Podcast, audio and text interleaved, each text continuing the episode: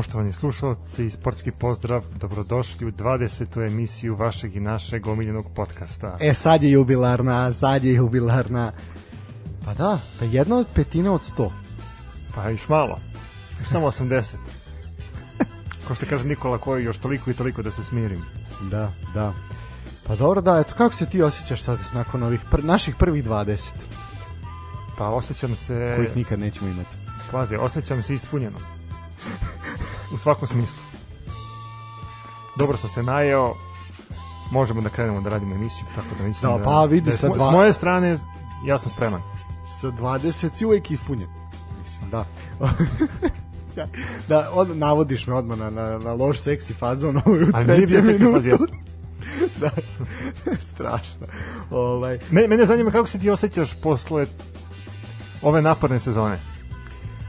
A da, to je to je zaista dobro pitanje. Ovaj mislim da još uvek prvo nisam nisam sve nemam taj osjećaj da je još uvek gotovo. Ovaj jer zaista još uvek nije gotovo, gotovo je na terenu, ali se još uvek zah, onako zahuktava ovaj sa za zelenim stolom. Ovaj i da, danas je danas je ovaj određen termin početka nove Superlige, jel? I to je za 17. jul i to izgleda tako tako daleko i prosto ne znam kako ćemo izdržati bez njih ovaj to je skoro eto koliko dva meseca jel ovaj tako da pazi ja še, 16. idem na neku svadbu znači provedem se napijem se i onda kreće A ti ćeš da svi će se radovati, a ti ćeš biti da. ono svirajte mi jesen stiže dunjo moja, vraćaju se superligaši. Ove da, pa do, dobro. Ali mislim da će nam svima ova sezona ostati u dubokom sećanju. U rezano, e, emotivno da. nas je sve pogodilo, sve ovo što se dešavalo i stvarno moramo da kažemo da je sezona za pamćenje.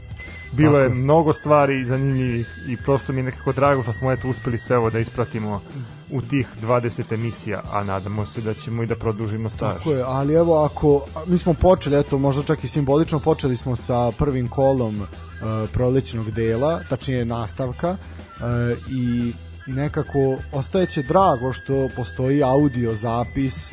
Drago nam je što nije video zapisa i vama je drago što nije video zapis. Možda i bolje što nije video zapis. sigurno. Ovaj, jer imamo tu radijsku lepotu?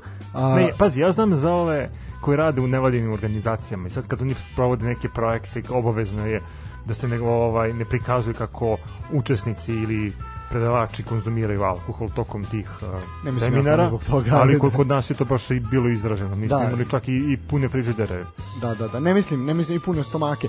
Ovaj, ne to, mislim, to svakako. Jedino su džepovi prazni. Uh, ali dobro, kažem, os, drago mi je što će ostati... Pa jedan, dobro, te, tebi jesu prazni. Da, da, da. Što će ostati jedan, eto, zapis o ovoj zaista jako, jako čudnoj sezoni i po svemu specifičnoj. Uh, i što smo mi uspeli da izguramo iz kola u kolo to ovaj sve i što smo zaista zaista onako mislim mislim uradili dobar posao i na lep način ispratili i kažem mislim da ovakva sezona se sigurno neće ponoviti e, i drago mi je što eto će neko za nekih 20-30 godina moći na vrlo lak i jednostavan način u dva klika da presluša šta se to sve dešavalo. E, znamo kako naši drugari arhivatori imaju problema da izvuku neke podatke iz A šta ako FBI ili CIA obori sajt? A ne, ima mi to sačuvano na više mesta, pohranjeno. Ne mogu oni to tako lako, ne mogu oni to nama uzeti. Ovaj, što, što bi rekli, sakriveno u bunkeru, pošto je bunker ponovo aktualan ovih dana. Ovaj, tako da Eto, zaista mislim da smo radili jedan dobar posao. Kod nekih ekipa koje igraju u Superligu je bilo karakteristično da ih nazivaju bunker ekipama. Da. I onda je došao na red taj famozni bunker. Da. I sada svi bežu od bunkera, sada svi igraju napadački futbal. I, i pazi, napadali su sa svih strana. Pa da, pa što jedan... za, za zelenim stolom, što za zelenim trenom. Pa da, dosta, dosta jedan napredan, napredan futbal je viđeno ovaj, ove sezone.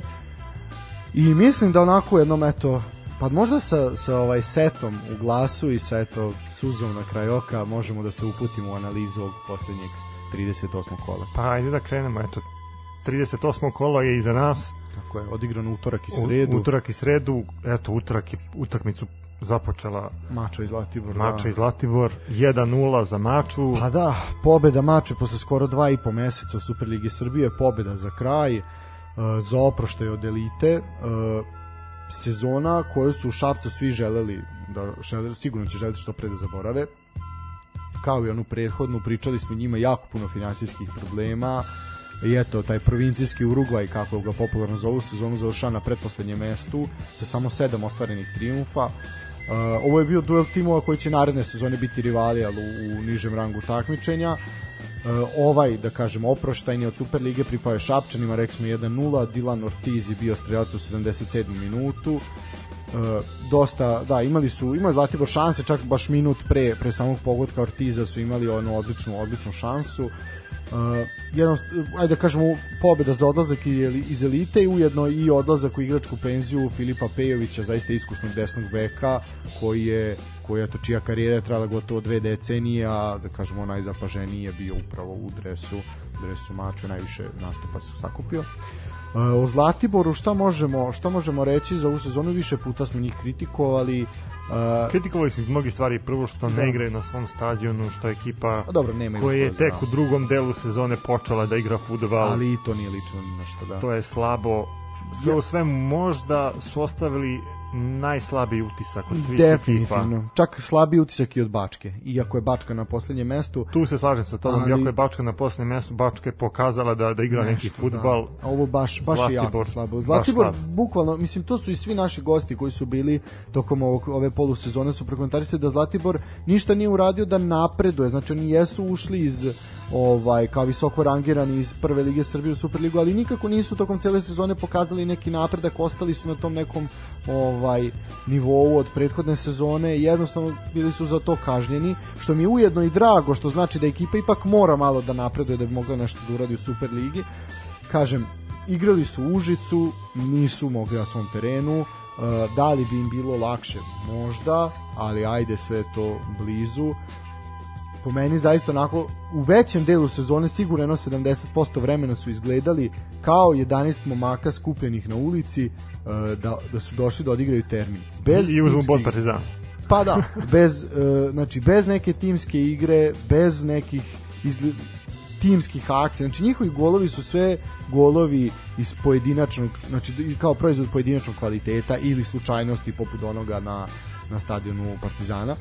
Tako da mislim da zasluženo su ovaj ispali uh, i mislim da ih nećemo videti ponovo neko vreme ovaj u Superligi. A sa šta će raditi naredne godine u prvoj ligi to ćemo vidjeti, ali mislim da se neće ponovo izdići, tako da je ovo bio onako jedan pucanj možda. Ja bih te još samo da iskomentarišem maču, eto oni su da, prošle, prošle sezone ispali, ali eto, zbog korone, zbog da, su beljivo, proširenja da, lige, pružena im je druga šansa, međutim, eto, tu drugu šansu nisu znali da, da iskoriste, ali opet ono što mene jako raduje, bar kad je klub i Šapcu u pitanju, je ta činjenica da su forsirali mlade igrače iz svog omladinskog pogona. Što silom prilika, što što ovaj što za su stvarno to hteli, ali eto ostaje ostaje žal, Mačva je veliki veliki klub i ali mislim da ćemo mi njih videti uskoro. Šabac je Šabac zaslužuje. Šabac je sportski grad, tako da nadamo se da će Mačva do godine biti ponovo superligaš.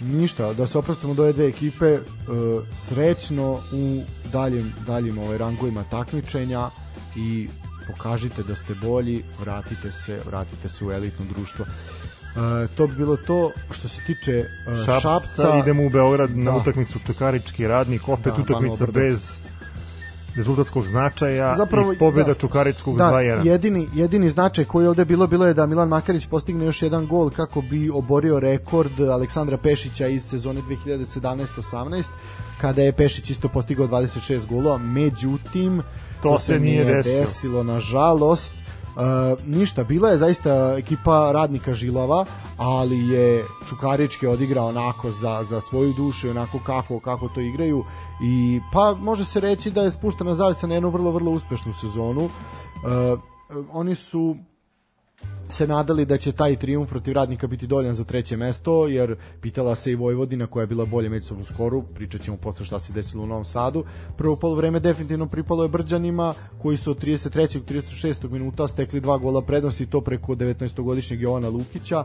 I eto, prvi gol Danila Pantića ovaj, u, po povratku, 20 minuta negde 72. bio je minut kada je Spasić ublažio ublažio ovaj poraz poraz radnika. Uh, što se tiče uh, radnika i Surdulice, zaista sezona za pamćenje, jesu doživeli tri poraza u posljednje tri kola, ali zaista osvojiti šesto mesto e, polufinale kupa, to je stvarno iznad svih očekivanja, ali ono što eto moj moj neki utisak o njima je svakako taj trenerski pečat Slavoljuba Đorđevića gde im je donao jednu raznovrsnost u igri, zanimljive ideje prilikom prekida, što smo više puta pohvalili. Zaista, zaista mislim da treba imaju imaju ovaj zbog čega da budu ponosni u Surdulici i u Radniku Radnik je igrao, mislim, istorijsku, istorijsku sezonu i veliko je pitanje gde će biti naredna sezona.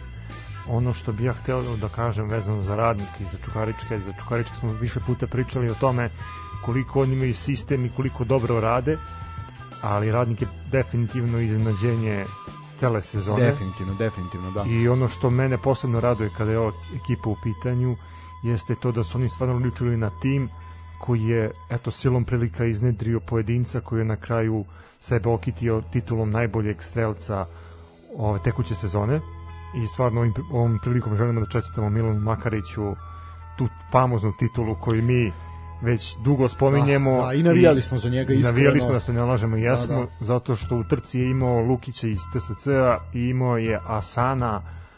Asana je ispao par kola pred, da, pred kraj. Pred kraj da. Tako da, eto, Ali makar, makar da se okitio tom titulom, e sada mi smo videli pehar. Pehar je bio simboličan, mala neka skulptura, odnosno nije skulptura, to je lime, da, limeni pehar ovaj, za najboljeg strelca lige. E sad, ne znam, te gume kad stižu, te zlatne gume koje mi priželjkujemo da vidimo vidjet ćemo, od sponzora. Vidjet ćemo, da, zašto ne bi bio možda i neki, možda i neki automobil, vidjet ćemo. Mi, mislim Dobro, ajde, da ako smo kod automobila, koji bi ti njemu automobil dao? Odnosno, koji bi automobil dao igraču koji je proglašen za najbolji igrača sezone i igraču koji je najviše golova dao u toku Ali mora biti, mora biti u rangu sa jel, našim mogućnostima. I našim standardima, da. Pa da, znači dobiš Fiat 500 L i vozi. Evo ja sam gledao pre neki dan film i ovaj, apelujem slušalacima da da pogledaju dokumentarni film o, o Jugu i zastavi, gde je Miss Jugoslavije, ne znam za koju godinu, dobila od, kao spon, od sponzora zastave dobila novi model Juga. A su je nagradili. A, pazi, pazi, kada znaš da se ranije čekalo za, za automobil, uh mhm. -huh. po meni skroz opravdana nagrada. Tako je, da, svak, tako je, tačno, tačno. Uh, mislim da je svakako što se tiče Milana Makarića... Čekaj, da, daš 500 L I zlatne gume, brate. I zlatne gume, a za, za najboljeg strelaca, za najboljeg strelaca onaj 500C, al tako, onaj Fiće mali.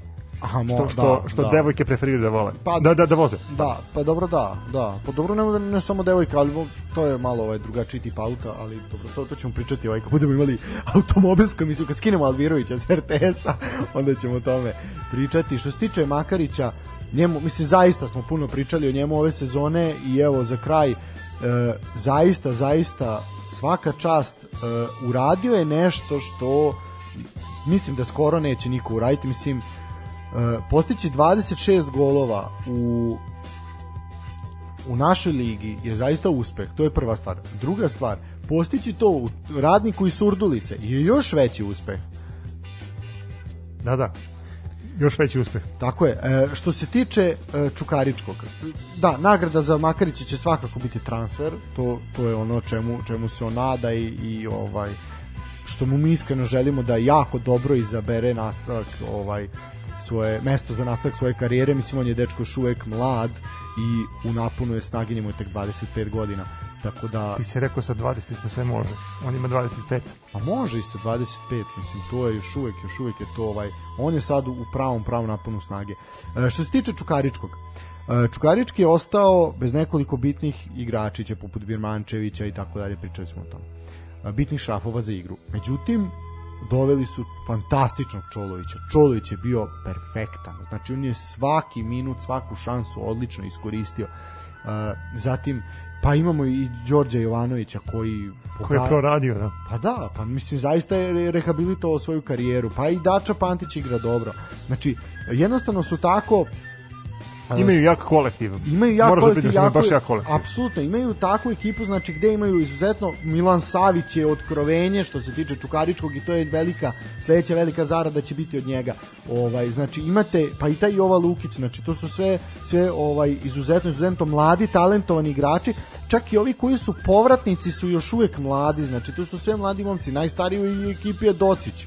Mislim koji nije ni on, nije ni on mator toliko.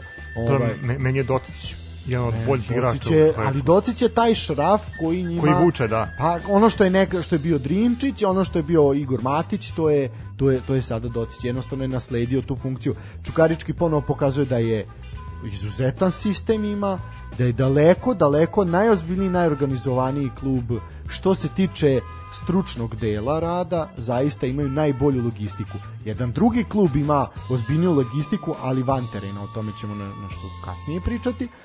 E, tako da Čukarički zaslužen u Evropi i ono što im ja sada želim, želim konačno taj iskorak u Evropi, da ne ispadaju od koje kakvih estonaca, e, Flore Talin, e, ne znam, ma, Imali su onaj kuteš, ili tako? Pa da, mislim, ajde da, da sad, na, sad napravite nešto, održite ekipu na okupu, pojačajte se ako treba i ajde da konačno, makar do play-offa, mislim da je play-off konferencije, znači posljednji kolo pred ulazak u grupnu fazu, zaista realan domet za Čukarički, realan domet. Po, po meni, po ovoj igri. E sad veliko je pitanje koga će dobiti na žrebu. Naravno, da, to je, to je već, To je, to je moje mišljenje. to je već faktor sreće. Apsolutno. Uh, Ostajemo u Beogradu, I ne, idemo... Ovaj, na, na, na, na, na, na sekundu, samo sam hteo još da ti, da ti na- napomenem baš tu, tu činjenicu vezanu za Ligu konferencija. Eto, ove sezone imamo tu čast da imamo tri predstavnika u u kvalifikacijama za Ligu konferencija Tako je, i tako je. imamo jednog predstavnika u kvalifikacijama za Ligu šampiona. Eto, tri beogradska kluba i jedan novosadski. Da. Mene interesuju tvoje prognoze uh, vezano za transfere i za pripreme. Znači, Doći ćemo, doći ćemo do tog dela, ajmo redom. Imamo, imamo i taj imamo i taj deo sam izdvojio. Ovaj uh, idemo, ajmo redom dok dok dođemo do njih, dok dođemo do njih. Što se a tiče ništa, onda, onda se selimo u Lučane. Uh, idemo prvo u, idemo prvo pre toga je bio TSC Indija. Lučani su bili nešto Da, da, da, kasnije. da, da, pravo si. Uh, što se tiče Sente, uh, a i TSC, a TSC predla, svi su im onako govorili, znate, druga sezona u Superligi, to će biti jako teško. Na kraju uh, je TSC zaista onako dobro finiširanje sezone, ono što je prošli put Oza jako lepo rekao, znači krenuli su dobro sa Mladenom Krstajićem, pa su malo pali, pa su se sad opet tri uzastopne pobede i dovoljno da TSC završi na petom mestu tabele, pobedili su direktne konkurente u toj borbi. Uh, što se tiče Indije, Indija je nažalost ispala iz lige, ali nadamo se da će se uskoro vratiti. Uh, bili su borbeni, igrali su pošteno, borili su se muški, uh, čuli smo da imaju finansijskih problema, mada ajde svi ih imaju, ali ajde vidjet ćemo. Dobro, nemaju će- svi, ali Da, pa mislim velika većina ih ima. Ovaj, ovi što ih nemaju su samo izuzetak koji potvrđuje pravilo. Uh, što se tiče ove utakmice, Banjac je već u 17. minutu doveo ekipu iz Bačke Topole vojstvo. Uh, Dimitrov je u 34. izjednačio. U 59. minutu Nenad Lukić je najbolji strelac Topole i treći najbolji strelac uh, lige je iskoristio dosuđeni 11 terac i doveo svoj uh, doneo pobedu svom timu. Uh, konačan rezultat meča 2-1 što se tiče TSC-a iza njih je zaista jedna jako jako turbulentna sezona. Da, E, uh, za Zoltana Saba, postavljanje Mladena Krstajića za njegovog zamenika. da, i kako bi sad ocenio Mladena Krstajića evo recimo sad kraje sezone? Pa ja bih mu dao prelaznu ocenu. Ja mislim da je on Pa dobro- ja mislim da je zadovoljio da, zahteve TSC-a. nisu Eto, izborili pet- Evropu nisu izborili ali da. Evropu, ali su na petom mestu, pritom su imali stvarno neki veliki pad u jednom trenutku. Jeste, da, jeste. To ih je koštalo zapravo Evrope, da. Mislim- Mislim, u isto, imali su pad u istom periodu kad i Vojvodina, ali se Vojvodina izdigla brže nego oni, da. Baš tako. Da, da. Uh, Sve, sve u svemu mislim da su ljudi u klubu zadovoljni i ono što sam ja pričao više puta u narednoj sezoni nas očekuje otvaranje novog stadiona u Topoli znači TSC Da. više neće igrati svoju utakmicu u Senti To, to jako E, iščekujemo. to da. menja skroz ceo koncept E, mislim da je politika kluba u narednoj sezoni usmerena na to da se izbori Evropa kvalifikacije za, za neko evropsko takmičenje. Da. i stvarno očekujem mnogo od TSC u narednoj sezoni Da, e sad što se tiče stadiona u Topoli, uh, oni se u klubu se u klubu se nadaju da će on početi što pre da funkcioniše, ali pošto je eto dogovoreno da prvenstvo počne već početkom jula, uh, sigurno je da će oni svoje prvenstvo započeti opet u Senti. I da će verovatno u toku sezone preći na stadion u Topoli. Ali pazi, možda se desi ta situacija da oni menju domaćinstvo. To smo imali u e, za sada, sezonama. Za sada, da, za sada ovaj direktor Palađi, direktor uh, TSC nije, nije tako nešto spomenuo, ne kaže da će verovatno postoji mogućnost da će krenuti u u Senti pa da će se prebaciti u Topolu i mislim da im je to, da, nema potrebe možda menjati, menjati raspored, mislim da oni to mogu da izguraju tako. E, što se tiče prelaznog roka, ono što si spomenuo, evo, za TSC imamo neke vesti, e, oni su u potrazi za štoperom i za zadnjim veznim, Uh, i imaju nekoliko zainteresovanih klubova za Nenada Lukića. E sad je Lukić je produžio ugovor, mi smo o tome pričali. Sada je samo veliko pitanje koliko će sada uspeti, koliko će te ponude dobre biti i da li će oni uspeti da ga zadrže i treću sezonu. Je njemu druga odlična sezona u klubu. Sad, da li će uspeti da ga zadrže ili će ipak ipak ovaj morati da promeni sredinu zbog dobre ponude, vidjet ćemo. E, TSC je do sada dosta trošio, nisu prodavali nikoga, ovaj i mora, mora, mora se od nečega, mora se od nečega živeti, što bi rekli, jel? Ovaj Takođe imamo i ponudu za Juga Stanova, Mihajla Banca, znači to su sve sve momci koji su bili onako da kažemo nosioci nosioci igre. E sad pitanje je i kakav sistem ima TSC, znači oni drže kostur ekipe konstantno na okupu sad drugu već sezonu. Vidjet ćemo da li sada nakon ovih nekih odlazaka će oni moći to da moći da da nadoknade. Videli smo da Čukarički to radi bez problema. Sad, da li će TSC moći, vidjet ćemo. Kad smo kod Lukića, ja moram da ti kažem jednu jako bitnu informaciju.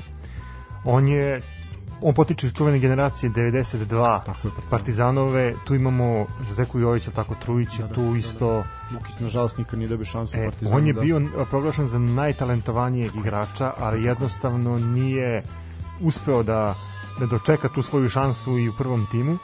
Tako je. I pa, morao je da traži svoju sreću okolnim putem, eto, put ga na kraju doveo i do, do Topole, gde je stvarno ove dve sezone jako dobro igrao. Ne, pokazuje svoj, pokazuje svoj kvalitet. Mislim, ovaj on je on je ovaj igrao igrao po po dosta onako nižim nižim ligama i u dosta tih lokalnih klubova gde sam imao i priliku da ga gledam i zaista mi nije bilo jasno kako kako takav momak nije dobio nije dobio šansu u Partizanu, ali možemo o tome pričati već kad pređemo na duel mladosti i Partizana, isto jedan momak koji nije dobio šansu u Partizanu, a eto opet je bio strelac protiv Partizana. Milan Bojović, uh, trenutno najbolji strelac Superlige svih vremena sa 80 pogoda, Andrija Kluđerović je na 79.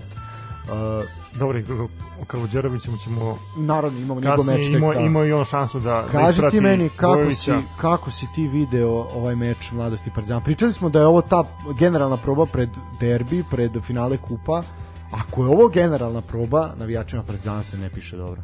Ja, slažem se sa tobom, ali ja sam to gledao i nekako rasterećen.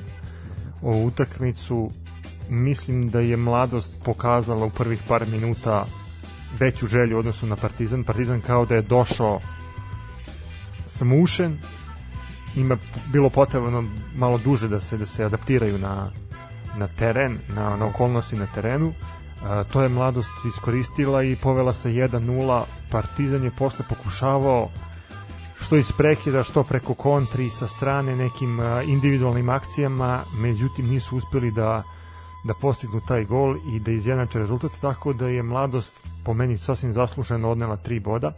Ono što mene interesuje vezano za, za ovu utakmicu je to kad smo mi pričali o tome u kom će sastavu Partizan izaći. Partizan je izašao u jako dobrom sastavu. Da, to sam upravo teo da te pitam. Da li misliš da je to sastav Partizana za kup? Pa mislim da, da mo, može doći do nekih promena sitnih Da, ali zašto se, to... čito kratko ćemo pročitati, znači Stojković na golu, zatim smo u odbrani imali na desno smo imali Miljkovića, levo smo imali Uroševića, Vujačić je bio na štoperu u, u, u tandemu sa Svetom Markovićem, u zadnjoj liniji smo imali Šćekića, zatim Zdjelara, i uh, Natha ispred njih, imali smo Jovića na jednom krilu, Lazar Markovića na drugom i imali smo u napadu koga smo u napadu? Polendera Zapravo, Zeka Jović, pardon, je umesto Zjelara igrao, ja sam ja sam napravio grešku. U suštini, da. ovo je tim Partizana koji je 80% već pripremljen za derbi. Da. Mene samo zanima tu jedna stvar, kako će Stanović reagovati kada, kada bude rotirao poljene igrače. -hmm. Mislim da sad je pitanje u kakvom je ovaj u kakvom zdravstvenom stanju Ivan Obradović pošto mislim da Ivan Obradović da. da oni Suma su imali zdravstvenih problema.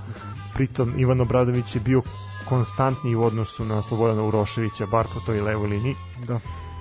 Pa da, s tim, ali s tim da je da je ovaj Ivan Obradović imao da kažem nezgodniju povredu od sume, ovaj i mislim da da nećemo moći da da računam da Stanović neće neće ovaj moći da računa na njega.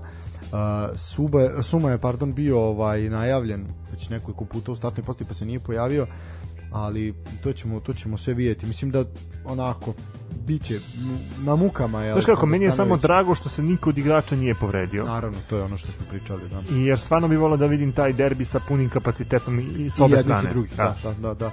E sad, ono što je bitna, bitna priča vezana za uh, Partizan, naravno analizirat ćemo njihovu sezonu ovaj, kad se ona završi. A što se tiče ovog dela, uh, drugu sezonu zaredom Saša Zdjelar završava kao rekorder Partizana.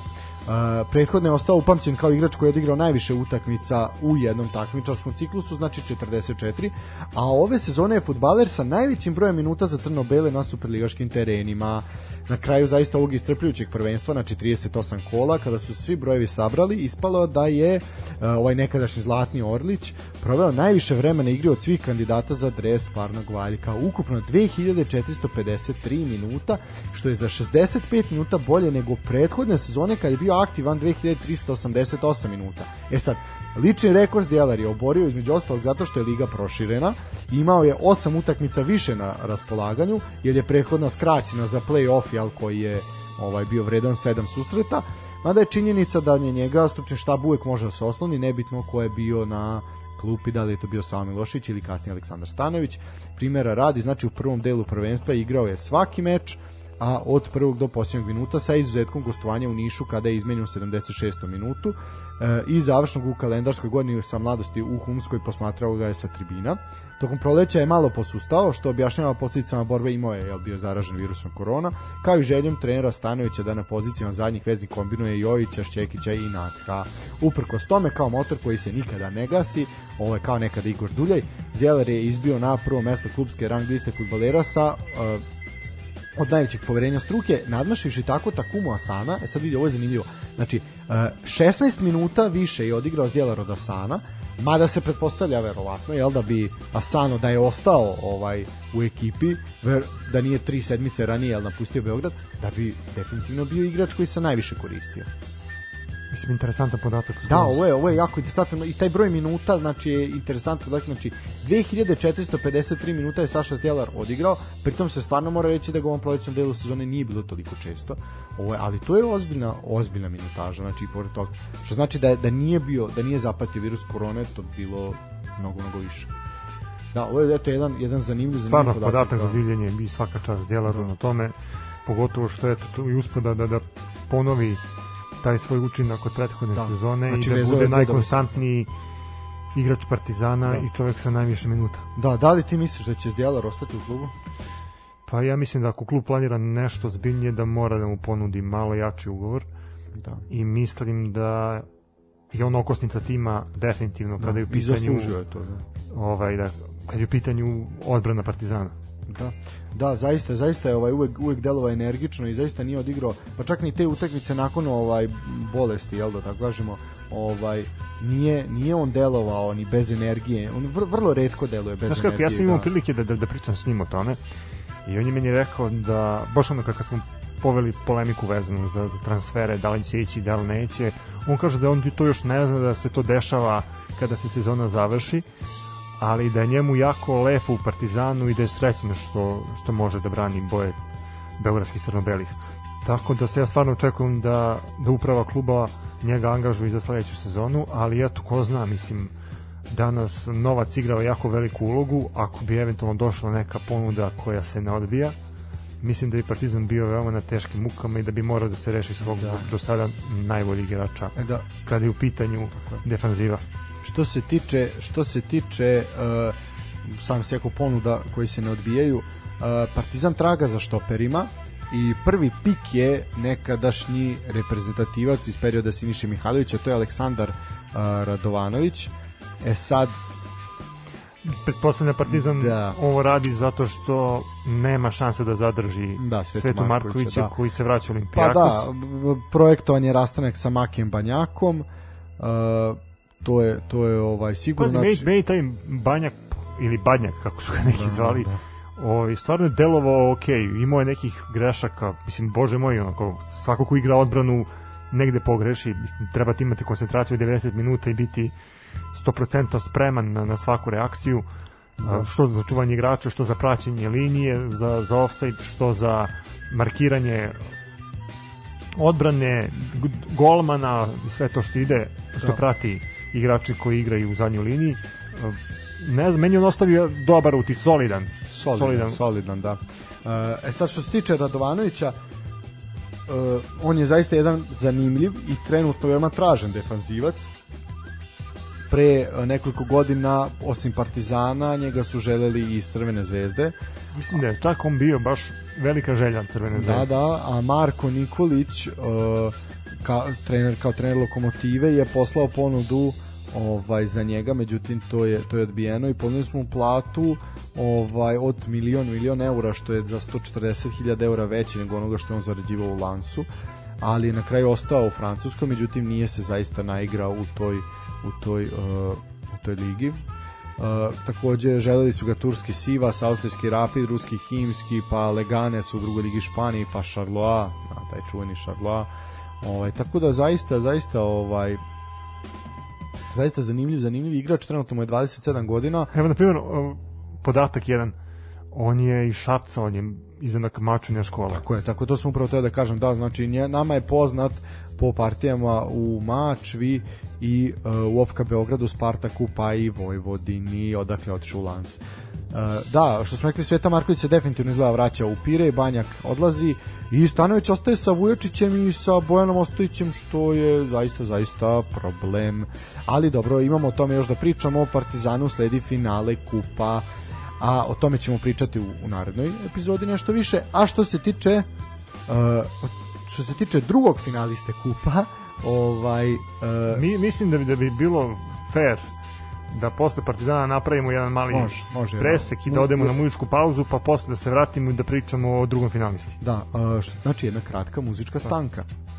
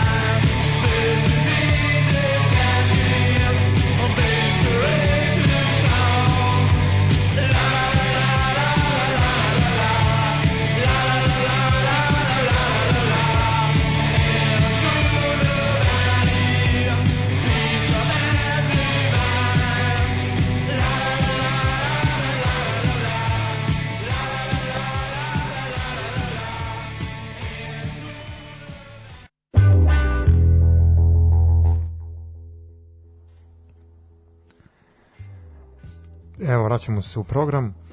Kao što smo najavili, idemo na sredu i da, na utakmicu Crvena zvezda Metalac. Kad smo kod ove utakmice, ti i ja smo prognozirali da, tesan te... rezultat. Očekivali smo da Zvezda može da postigne ta tri gola koja su im da, falila ja da obore da rekord. Da neće, da. Ti si prognozirao da neće, neće mislio da. si da će ekipa Metalca, da Metalca uspeti da, da pruži jači otpor Crvene zvezdi, međutim dogodilo se upravo suprotno. Da. Rezultat 5-1, 5 golova u mreži Metalca i interesuje me tvoje viđenje ove utakmice. Uh, pa ne, šta, onako kako je Crvena zvezda, Crvena zvezda počela, tako je i završila i definitivno imamo uh, osvojili su rekordnih 108 bodova, znači oborili su taj svetski rekord po broju bodova u sezoni bez jednog poraza koje je do sada držao Celtic. Uh, postigli su 114 pogodaka, jel, time je ovaj doprinilo ovih 5 golova protiv Metalca. Uh, pao je rekord Partizana od 111 golova iz sezone 99-2000 Uh, zaista što se tiče Crne zvezde možemo pročitati strelce znači Gajić je otvorio već u drugom minutu Ben u petom minutu već je bilo 2-0 pa Ben u 34. za obaranje rekorda 3-0 Kanga 4-0 u 50. Maksimović za 4-1 u 66. i Pavkov u 76. za uh, 5-1 što se tiče ekipe Metalca on, za njih je počasni pogled postigao Maksimović što se tiče ajmo prvo, prvo od metalca, pa ćemo onda onda za Crvenu zvezdu. E, ovako, Žarko Lazetić je imao izjavu nakon ovog meča da ovako, znači želim da bude zanimljivije prvenstvo, da drugi klubovi budu bolji. Za mene nije normalno da izgubiš samo 6 bodova u sezoni i trebalo bi svi da se zapitamo šta u našem fudbalu moramo da učinimo kako ne bi bilo tako. To je izjava Žarka Lazetića, trenera Metalca nakon ubedljivog poraza svog tima od Crne zvezde. Po njegovom mišljenju ogromna je razlika u kvalitetu aktualnog šampiona u odnosu na većinu ekipa u ligi. Da li je samo budžet u pitanju ili još nešto, to zadružuje malo posebnu, malo drugačiju dublju analizu. Ja mislim se da se slažem sa njegovom pa izjavom. slažemo, mislim, tu nema, da. Definitivno je mnogo velika razlika između prvih 5-6 klubova i ostatka lige, ali to smo videli zašto i to se nekako ispostavilo. Da. Pa velika razlika između Kao velika razlika, zvezde, da. Crvene zvezde i ostatka lige. Uh, između da. i ostalog i ostatka sveta, obzirom da si naveo da su oborili rekord. Da. Pa dobro, ajde sad, mislim, možemo gledati, uh, znači na prvom mestu je sad trenutno Crvena zvezda sa 108 bodova, pa Celtic u sezoni kada nisu imali uh, jel, Rangers u, u ligi, pa onda imamo klub i neki Barry Town iz, iz Velsa koji ono mislim tamo dominirao u tom periodu kao što i sada imamo onaj TNS iz Velsa koji je ono, apsolutni šampion svemira tamo tako da nadam se samo da naša liga neće postati kao takva, ono, da oni već u četvrtom kolu imaju 59 bodova razlike. E sad, e, što se tiče svakako ovoj zvezdinoj dominaciji, to je svakako jedan od utisaka sezone, možda i prvi utisak sezone, a to je da je zaista veliki kvalitativni jaz između Crvene zvezde i ostatka lige i e, što se tiče Stankovića, on je nadogradio Milojeviću ekipu, znači otišao je po meni jedan stepenik iznad, uh, Kataj, Kanga, preporođeni Ivanić koji konačno igra onako kako se od njega očekuje. Uh, zaista su se onako nekim momentima pa i poigravali sa, sa rivalima. Uh, ben je bio fantastičan, Pavkov, Falčinelli koji se odlično uklopio i zaista onako rehabilitovao svoju karijeru na, na, na stadionu Crne zvezde. Uh, zaista zaista pokazuje onako jedan jedan zaista kvalitetan kvalitetan sastav. Nema možda dugačku klupu, ali oni koji igraju igraju to kako treba. Podatak da imaju izuzetno izbalansiran učinak igrača znači 16 golova je dao Ivanić po 14 su dali Kataj i Pavko. Ben je 12 puta bio strelac. Znači Falčinelli je 9 puta bio strelac. Imate jako puno igrača koji su dali približan, približan broj golova. Znači nemaju jednog koji vuče ekipu po meni, po meni ovo zaista, zaista pokazuje da je Crvena zvezda jedan ravnomerno, kvalitativno ravnomerno raspoređen kadar. Eto, mislim tako da bih to nazvao. Uh, tvoj komentar Crvenu zvezdu, pa ćemo imati. Pa, mislim, pričali smo o njima cele sezone, oni su stvarno jedna nepobediva ekipa. Ispostavi se na kraju da su se stvarno kroz ovo prvenstvo prošeteli. Nisu nešto mnogo napora uložili, osim možda u nekim utakmicama i to je sve, te utakmice možemo bukvalno na prste da jedne ruke da nabrojimo. Da. Pokazali su dobru igru u Evropi, i mislim da su dostojno predstavljali srpski futbal. Absolutno. Tako da, eto, ovim putem im čestitamo na, na osvojenoj tituli.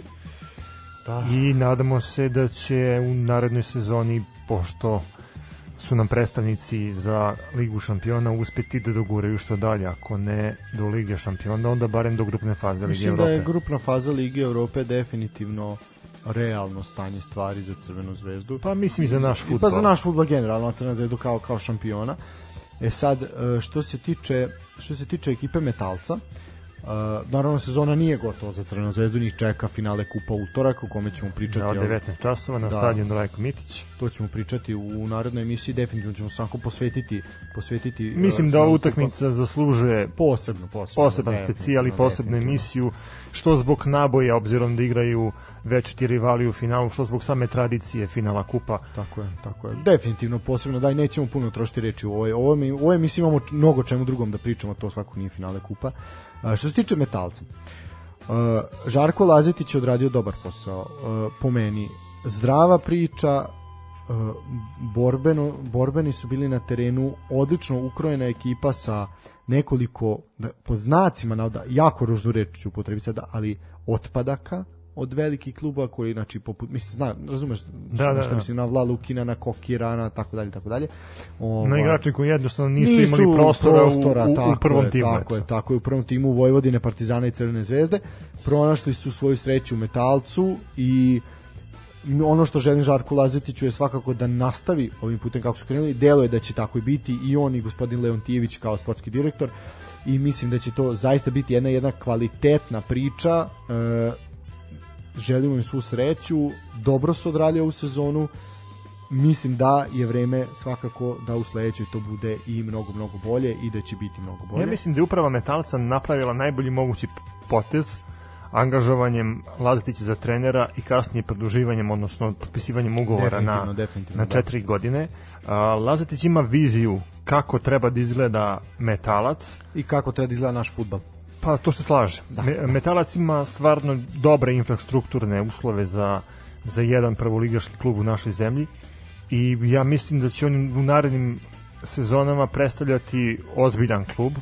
Ono što isto da. me raduje je to, eto, ta korelacija između njega i njegovog brata, koji u Fudbalskom savezu, koji radi sa mlađim kategorijama. A, koji je proteran iz Fudbalskog kluba Vojvodina? Dobro, ovaj, nećemo o tome, ili možda ne, hoćemo, hoćemo, možda hoćemo. Ne, hoćemo, pričat ćemo i o tome, da i to je jedan od, ovaj, u tom delu u kom ćemo se baviti retrospektivom sezoni, Odnosno, imam i taj moment. Pa da, da. Ko, koji su to kanali koji, koji te kao odbačenog vinu još višlje? Ali ajde, da, ono što sam htio da... da, da, da, da, se ponaša naš kao ona support grup, ono, naš kao, da te podržimo, da ne, ne padneš u depresiju, pa ćemo ti dati posao futbolskog Call centar.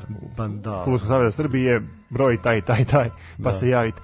Šalu na stranu, kad smo već kod, kod njegovog vrata, mislim da će mu dati neke smernice vezane za igrače koji mogu da naprave nešto u srpskom futbalu, a koji jednostavno možda nisu na radaru Partizana, Zvezde, Vojvodine i Čukaričko. Svakako, svakako, slažem se sa tim.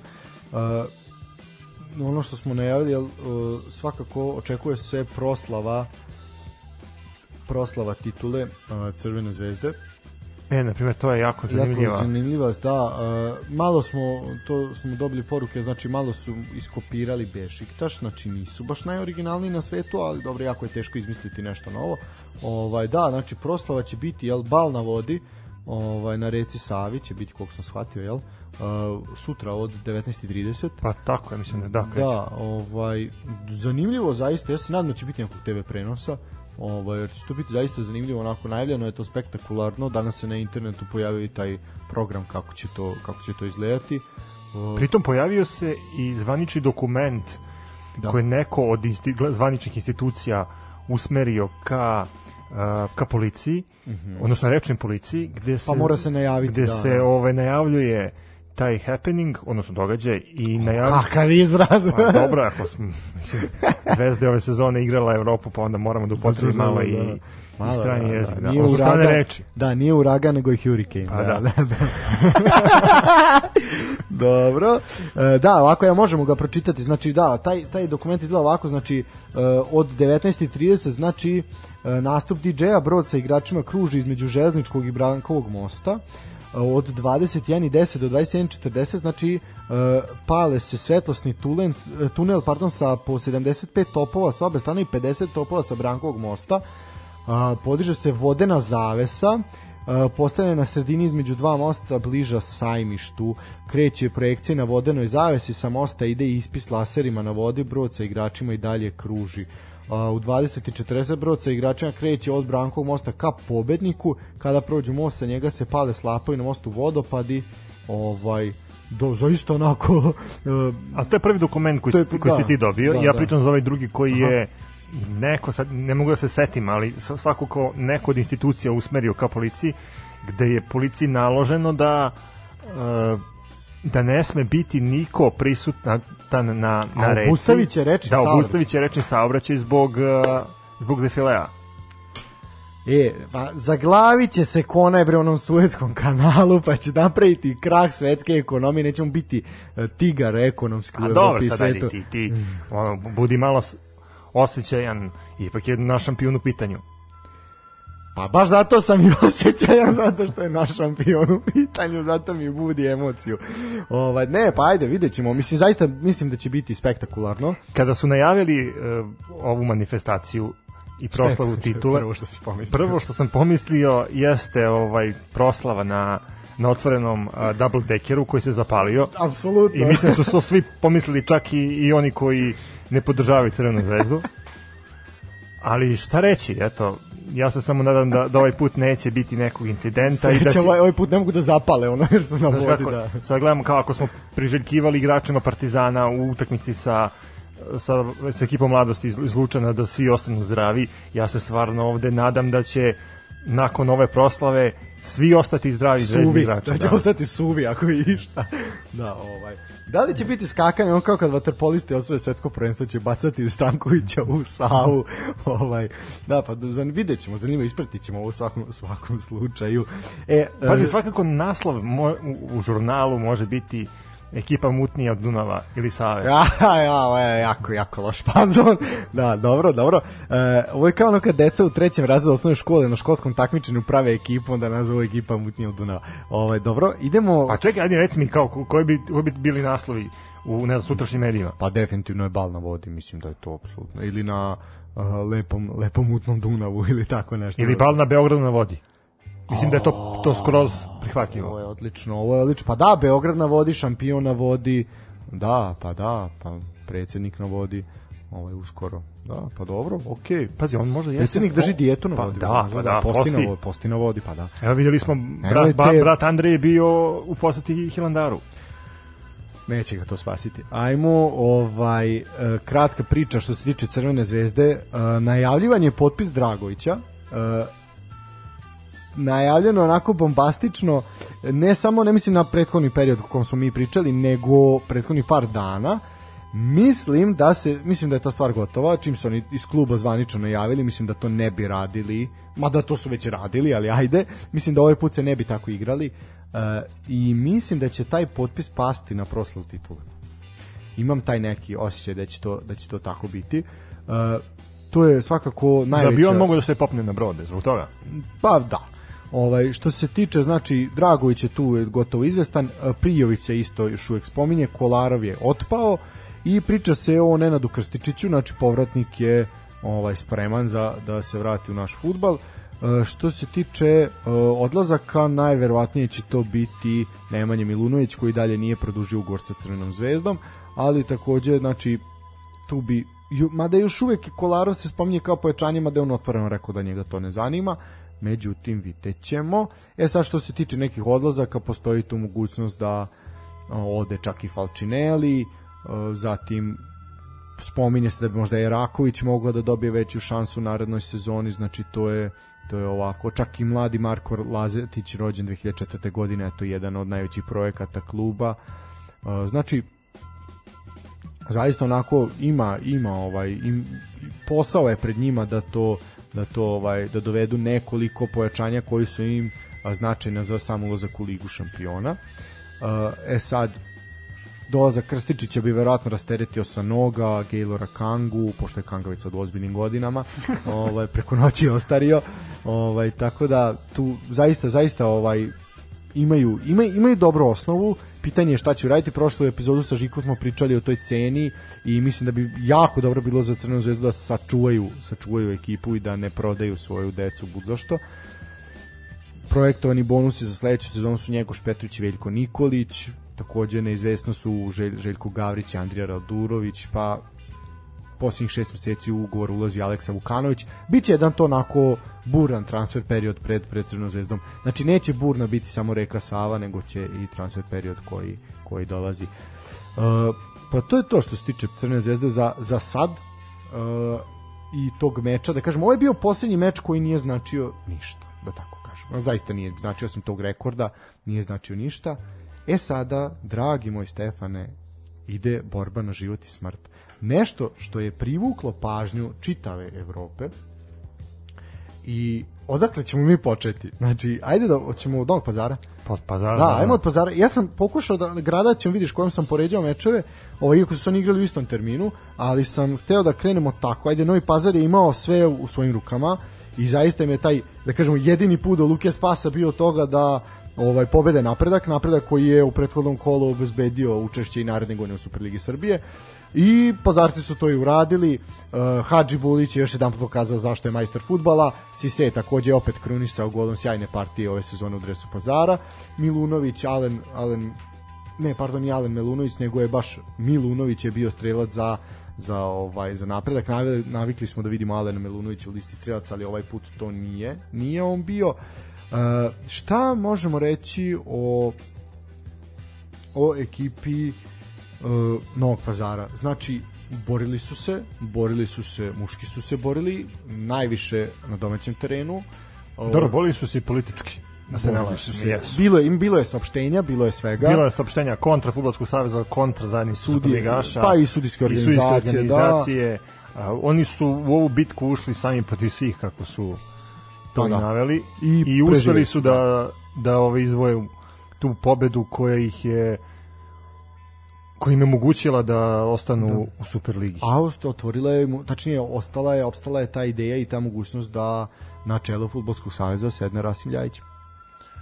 Ovim opstankom mislim da se to da se to onako šanse su realne. E, Davor Berber je imao jednu zanimljivu zanimljivu izjavu posle meča. Uh, znači nakon pobede od na, napretka kaže ovako hvala vam mnogo ne znam šta da vam kažem evo malo emocija i euforija je velika verovao sam u moju grupu igrača, 14 utakmica smo se borili na nož i na kraju ovaj diplomski master rad, kako god hoćete nazovite, oni su položili. Oni su za mene najveći heroji, ja im čestitam od srca. Nadam se da će publika i dalje u Novom Pazaru gledati odličan futbol u Superligi Srbije, rekao je Berber za Arenu Sport.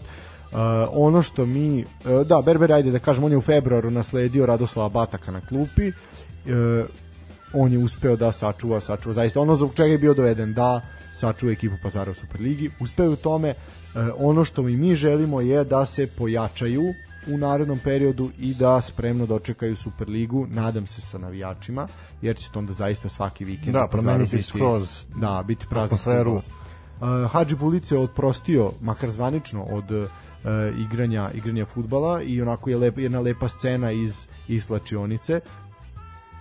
Uh, što je što se tiče što se tiče njega jedan iskusan iskusan igrač i majstor fudbala mada videćemo da li će možda upravo Pazar uspeti da ga ubedi da on ostane i naredne sezone u ekipi mislim da bi to mnogo značilo njima a, što se tiče drugog strelca Sisea po meni možda uz Agan Spahića a da Agan Spahić je nešto ofanzivniji od njega a, najbolji igrač Pazara došao je tiho, došao je kao otpadak Partizana koji nije prošao probu i zaista imao fantastičnu fantastičnu sezonu i mislim da ćemo ga, ono što smo rekli i odmah nakon te probe u Partizanu nakon potpisivanja, zapravo prve utakmice Pazara protiv Partizana kad su ih i pobedili, smo videli da će taj Sise ovaj, ima kvalitet i da će ostati u našoj ligi.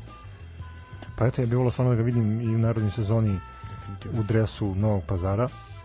Mislim da je Pazar što se tiče klubova koji su se borili za opstanak pokazao možda i najviše. Ako pa, izuzmemo rad pa i napredak. Pa dobro, napredak je, ali napredak ima bolji bodovni saldo u odnosu na Novi Pazar. Da, da, imali smo početni, da, jasno, jasno, da. Ova, I meni, ne znam, Novi Pazar mi je nekako bio iz kola u kolo sve draži, baš zbog te borbe i žustrine koju su pokazivali na terenu. se borili, da. I mislim da, da se taj trud na kraju isplatio. Eto, uspeli su da sačuvaju prvoligaški status i vidjet ćemo i sledeće sezone ponovo u Superligi. Tako je. Što se tiče napretka, ajde da njima damo neku završnu reč. Uh, napredak furiozan u drugom delu sezone sa Đumićem. Pogotovo od situacije kada je došlo do promene. To, tako je upravi, da. U upravi. Da, da. To smo, mislim, mi smo to naveli, posebno smo o tome pričali, da li će to biti šok terapije ili to znači da su se predali i mislim da niko, niko nije očekivao ovakvu reakciju da će se ovako, ovako ponašati i na terenu i da će ovakvi rezultati biti zabeleženi. Svaka čast treneru Đumiću i trener i uopšte stručnom štabu, ostalim trenerima i igračima. Fantastično. Mislim, kad se pogleda serija koju su imali od ono, šest, šest pobeda vezanih, zaista, zaista fantastično. I mi im želimo da tako da taj vinjak kola ne izvetri tako brzo i da ovaj naredne sezone budu budu ovako ovako efikasni ovako dobri. Uh, hoćemo na naredni meč. Uh, da kažemo, nije bilo ovde nije bilo toliko puno uzbuđenja, Pazar je zaista dominirao tokom cele utakmice, uh, rezultat možda ne govori tako, ali je zaista tako bilo. E sad, što se tiče negde gde je bilo baš potpuna dominacija, onako jedno iživljavanje, da tako kažemo, to je u Nišu. Radnički Bačka. Radnički Bačka, 5-1, da. još jedna petarda. Još, još jedna petarda. Da, opet smo imali izuzetno efikasno kolo. Uh, što se tiče što se tiče radničkog ekipa koja je stvarno zaglibila i koja je na kraju uspela da nekako sačuva prvoligaški status. Imali su dosta problema ove sezone, promenili su četiri trenera. Da, da, i sportskog direktora, i sportskog direktora. I bilo, da. Ako postoji ekipa koja mene izrazito razočarala. E, to, to sam to je, da. to je bio radnički iz Niša. Skup pojedinaca sa internacionalnim iskustvom da. koji su na kraju došli do toga da da traže sreću u poslednjem kolu. Da, I mislim... to protiv ekipe koja je davno da, otpisana. otpisana da. Šta mogu još da kažem eto o, o radničkom um, da, da, da, ovo je jako važno uh, koliko je taj kamen sa, sa leđa pao vidi se i, i po načinu radovanja da, oni da, su se sradovali verujte kao da su osvojili ligu šampiona uh, to su u prenosu čulo uh, gromoglasni krici, urlici uh, radost, videlo se da, da igračima stvarno znači ova pobeda ali nije moralo tako da bude e, da se kojim slučajem desilo da eto nisu igrali posljednja dva kola protiv ekipa koje su imali su najlakši raspored da, imali su najlakši raspored koje ekipa koje su bile na na začinju tabele pitanje da bi a da i opet Zlatibor nisu uspeli da pobede mislim da. Mislim tako da zaista. Što se tiče ovog meča trostruki strelac je bio Nenad Gavrić u upisu su se još Mitrović i Kovačević u strelce Ratković je postigao taj utešni oprošteni gol za Bačku. Što se tiče Bačke, Bačka jeste poslednje plasirana, ali kao što smo rekli, nisu najmanje pokazali u ligi. Imali su dobre momente, borbeni su bili, uglavnom su se dobro držali do prvog primljenog gola. Onog momenta kako bi primili prvi ili drugi gol, tu bi, tu bi pali. Sve do tog momenta znači oni su zaista onako se solidno solidno držali na terenu pa čak i protiv jačih. Meni je golom Bačke ostavio jako dobar utisak da, na utakmici, skinuo je dosta šuteva. E, kad pogledate, primio je pet golova da. i to kakav gol je primio od Gavrića koji je petom maestralno završio udarac i poslao loptu u mrežu ali stvarno golman je pokazao da da ima kvalitet i vidjet ćemo kako će kako će njegova karijera odvijati dalje i gde će uopšte i biti sledeće sezone. Da. I ja predlažem da mi možda sad malo napravimo jednu pauzu. Može, jedna mislim... kratka, ali jedna kratka, kratka pauza, pa ćemo da se malo, daj nešto da nas malo razmrda, ovaj, jer ulazimo u ono što je bilo najzanimljivije, oko čega se digla najveća, najveća prašina, tako smo i ostavili te mečeve. Pa ništa, idemo na, na kraću pauzu. Kratku pauzu.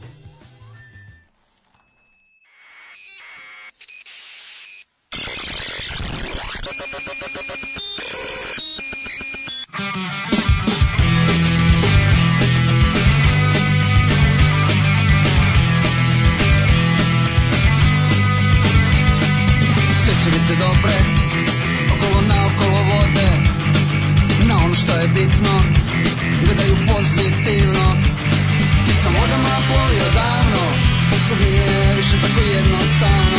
Imala je rijetki u očima sjaj. Imune ni topli, noći zagrljaj Ovo je dobro kad se plata za slanku Ali pak papir je u mraku. A kiša lijeko milion puta prije.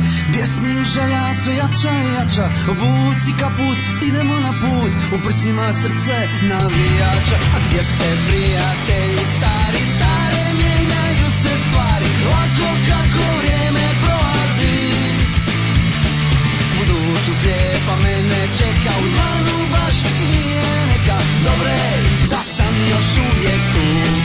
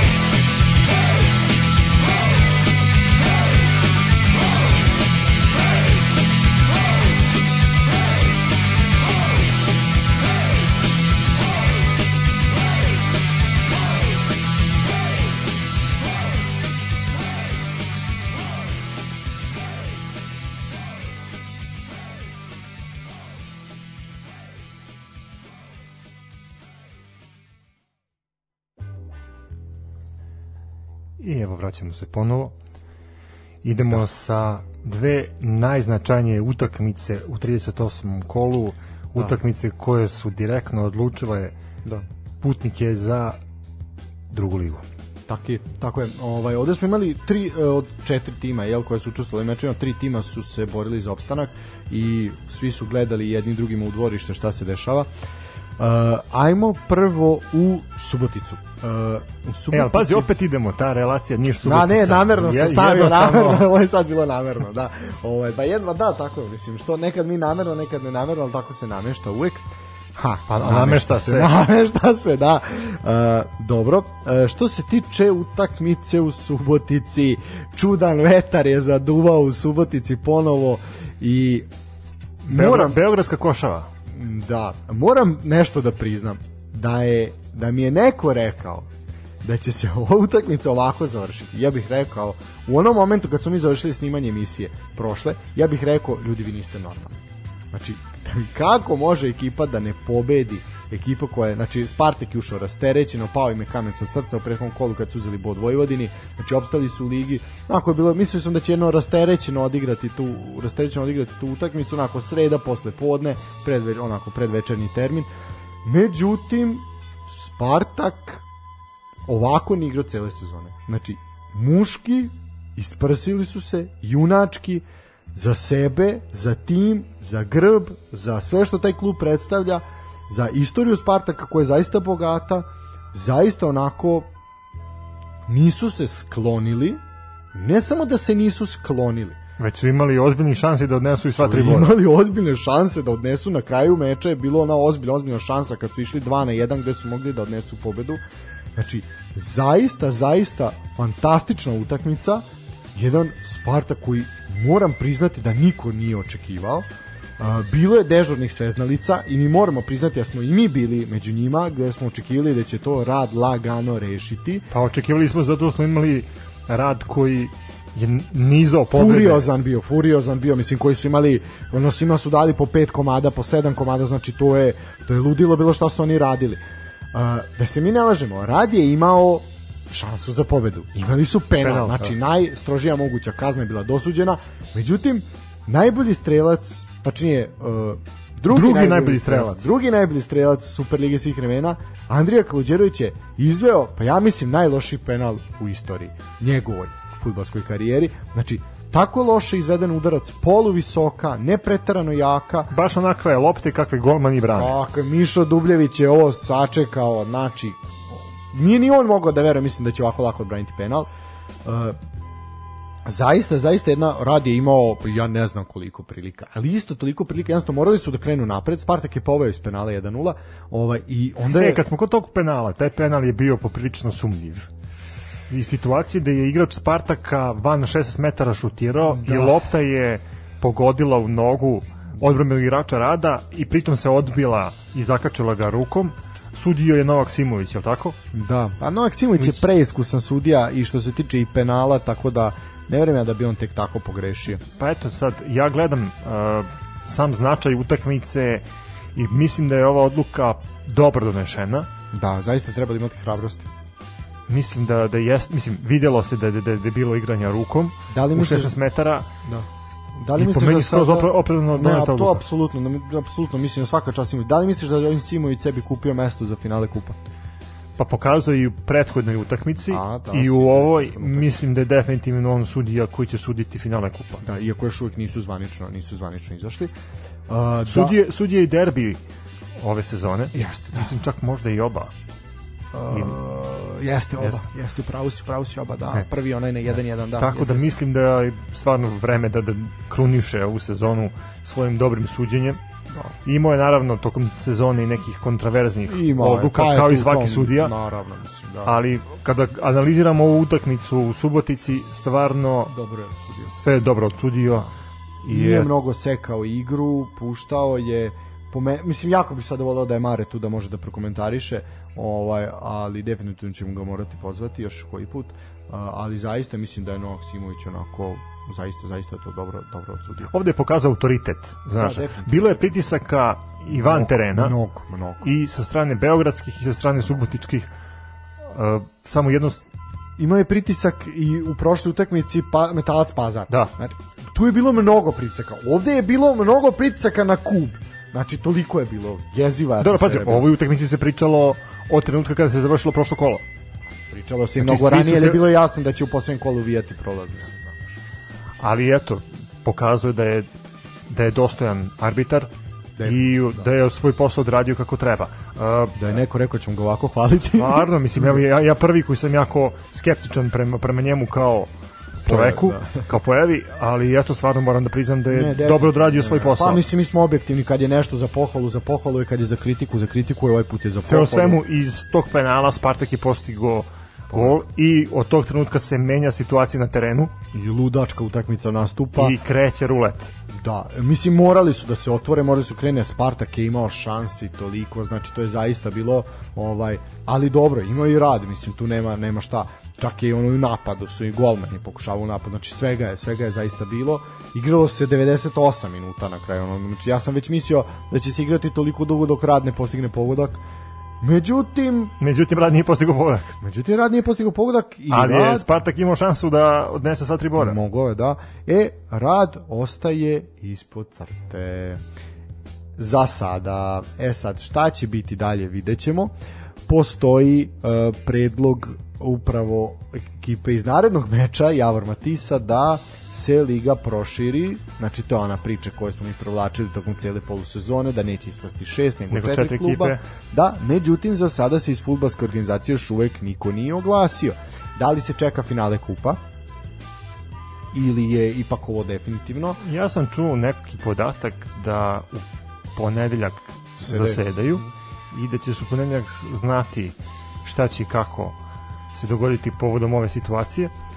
Ali Da. e, svakako niko nije očekivao da se rad nađe ispod crte. Ne, ne, ne, pogotovo kako su krenuli i koje pojačanja su dobili što u igračkom, što u funkcionerskom smislu, zaista to niko nije očekivao i baš zbog tih pojačanja u funkcionerskom smislu mislim da da će odluka biti donešena u njihovu korist. Uh, Ali opet niko njih ne očekivao rezultat ove druge utakmice između Voždovca i Javora da se isto završi. O, mi smo ga prognozirali. A. Mi smo ga pogodili, nemoj tako. Da smo uplatili da nismo. da. zato, zato smo pogodili. Da, ovaj Da, pa to je to. Ajde što možemo za Spartak samo ovako da kažemo, znači Uh, čudni vetrovi su duvali ovaj mislim da je to izjava sezone da je to definitivno izjava sezone pa me, meni je to najupečatljivija izjava definitivno imali bilo ih je mnogo ali mislim pričaćemo izjavama da treba da pobediš izjave Nenada Lalatovića Tako da je to stvarno težak zadatak. Da. I mislim uh, da, da je Buač ovim, on svojom izjavom koju je rekao vezano za zaduvanje raznih vetrova ipak obeležio kada su u pitanju izjave za, za ovu sezonu. Da, ovaj, uh, upravo sam shvatio da smo malo preskočili Vojvodinu i Proletar, ali ne veze, kratko ćemo i njih i ne, vidiš, na primjer, skroz nebitna utakmica pa za jedni za druge. Pa da, ovaj, nema veze, vratit ćemo se, ajde da prvo pričamo o Voždovcu Javor. Znači, što se tiče Spartaka, uh, imali su fantastičnu sezonu do jednog momenta, bili su peti na tabeli. Mi smo ovde računali kako oni mogu da izađu u Evropu i odjedanput krah, pet vezanih pobeda. Što je to za rekao, pa vi ste imali 15 bodova predno, ne 15, imali su pet, pet ovaj pobeda, znači to je 25 bodova prednosti. Vi ste to prosuli, doveli ste sebe na to da vam treba bod za matematički opstanak u dva kola, uspeli ste to da uzmete, uzeli ste dva boda, ovaj, ali zaista, zaista onako veliki, veliki, veliki potres je to bio Spartaku i zaista je bio velika, velika šteta da je Spartak ispao. Spartak je preživeo, nadam se da će se konsolidovati i da će u drugoj sezoni vratiti, sledeće sezone se vratiti tamo gde Stvarno im je bila šteta, pogotovo sad kad imaju normalan teren. Da, da, posle ja ne znam koliko godina. Ali vetrovi su problem očigledno bili ove sezone i mislim da ćemo tu izjavu forsirati još jako, jako dugo. Što se tiče rada, rad je prošle sezone, znači spasila ih je korona, kao i maču. Uh, bili su očajni. Ove sezone su bili očajni. I onda su... Ne, ove polusezone su bili očajni. Ne, ne, ne, prve polusezone. Da, da, po, ne kažem, ove polusezone. Ne, prve polusezone da. su bili očajni. Druge polusezone su bili Manchester City sa banjice, gde su gazili sve redom. Zli jezici će reći da je zbog pojačanja upravi. Uh, ovi malo objektivni će reći pa tempirali su formu, vratio se trener koji ih poznaje, sve to ima i veze jedno i drugo. Na kraju je sve stalo na jednu loptu, na jedan penal koji, nažalost, Andrija Kaluđerović nije realizovao. On je dao izjavu, kaže, ispali smo iz lige kao poštena ekipa i pošten klub. Bilo je normalno da ja preuzem odgovornost kod penala, ako me, nekome to moralo da se desi, onda bolje što je meni nego nekom mlađan saigraču. Ja se s ovim slažem, to je uh, ozbiljan teret, znači vi imate penal za opstanak u ligi i sada nekom od 19-20 godina ovaj ako može da izvede taj penal to može zaista da naruši samopouzdanje opasno. Tu se slažem. Da. Andrija Kaluđerić je jedan preiskusan igrač, ovaj i zaista je naravno. A i na zalaskoj karijere tako pa da, da E sad, kaže, ispali smo iz lige, jako loši trenuci za nas, sve je bilo kao ružan san, ne mogu da verujem da smo ispali posle ovakve polusezone, najbolje u istoriji kluba. To je tačno.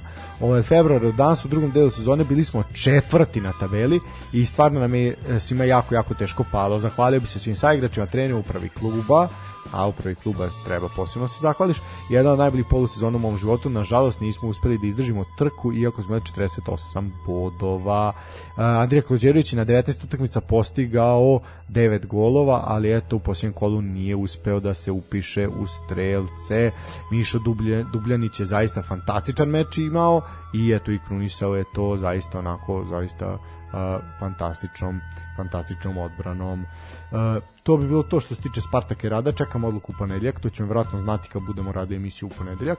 Inače, u ponedeljak idemo, dobijemo standardni termin i idemo u terminu od 19 časova, znači to je, to je od sada pa za navijek, ovaj, da, da se zna. Uh, takođe, molimo vas da nam se javljate putem poruka na naš broj telefona 060 i putem uh, Facebooka, Instagrama, Twittera, znači komentarišite slobodno, dajte nam vaš utisak ove sezone, pa ćemo zajedno, zajedno, zajedno dati neki možda šaljiv komentar. Uh, ajmo na krov. Utakmica broj 2 po važnosti ali po meni bolja Po- kvalitetom od ove u Subotici. Slažem se. Da, da, da. Slažem se, stvarno utakmica koja je definitivno, završena 0:0, je da. definitivno obeležila kolo. Da, definitivno.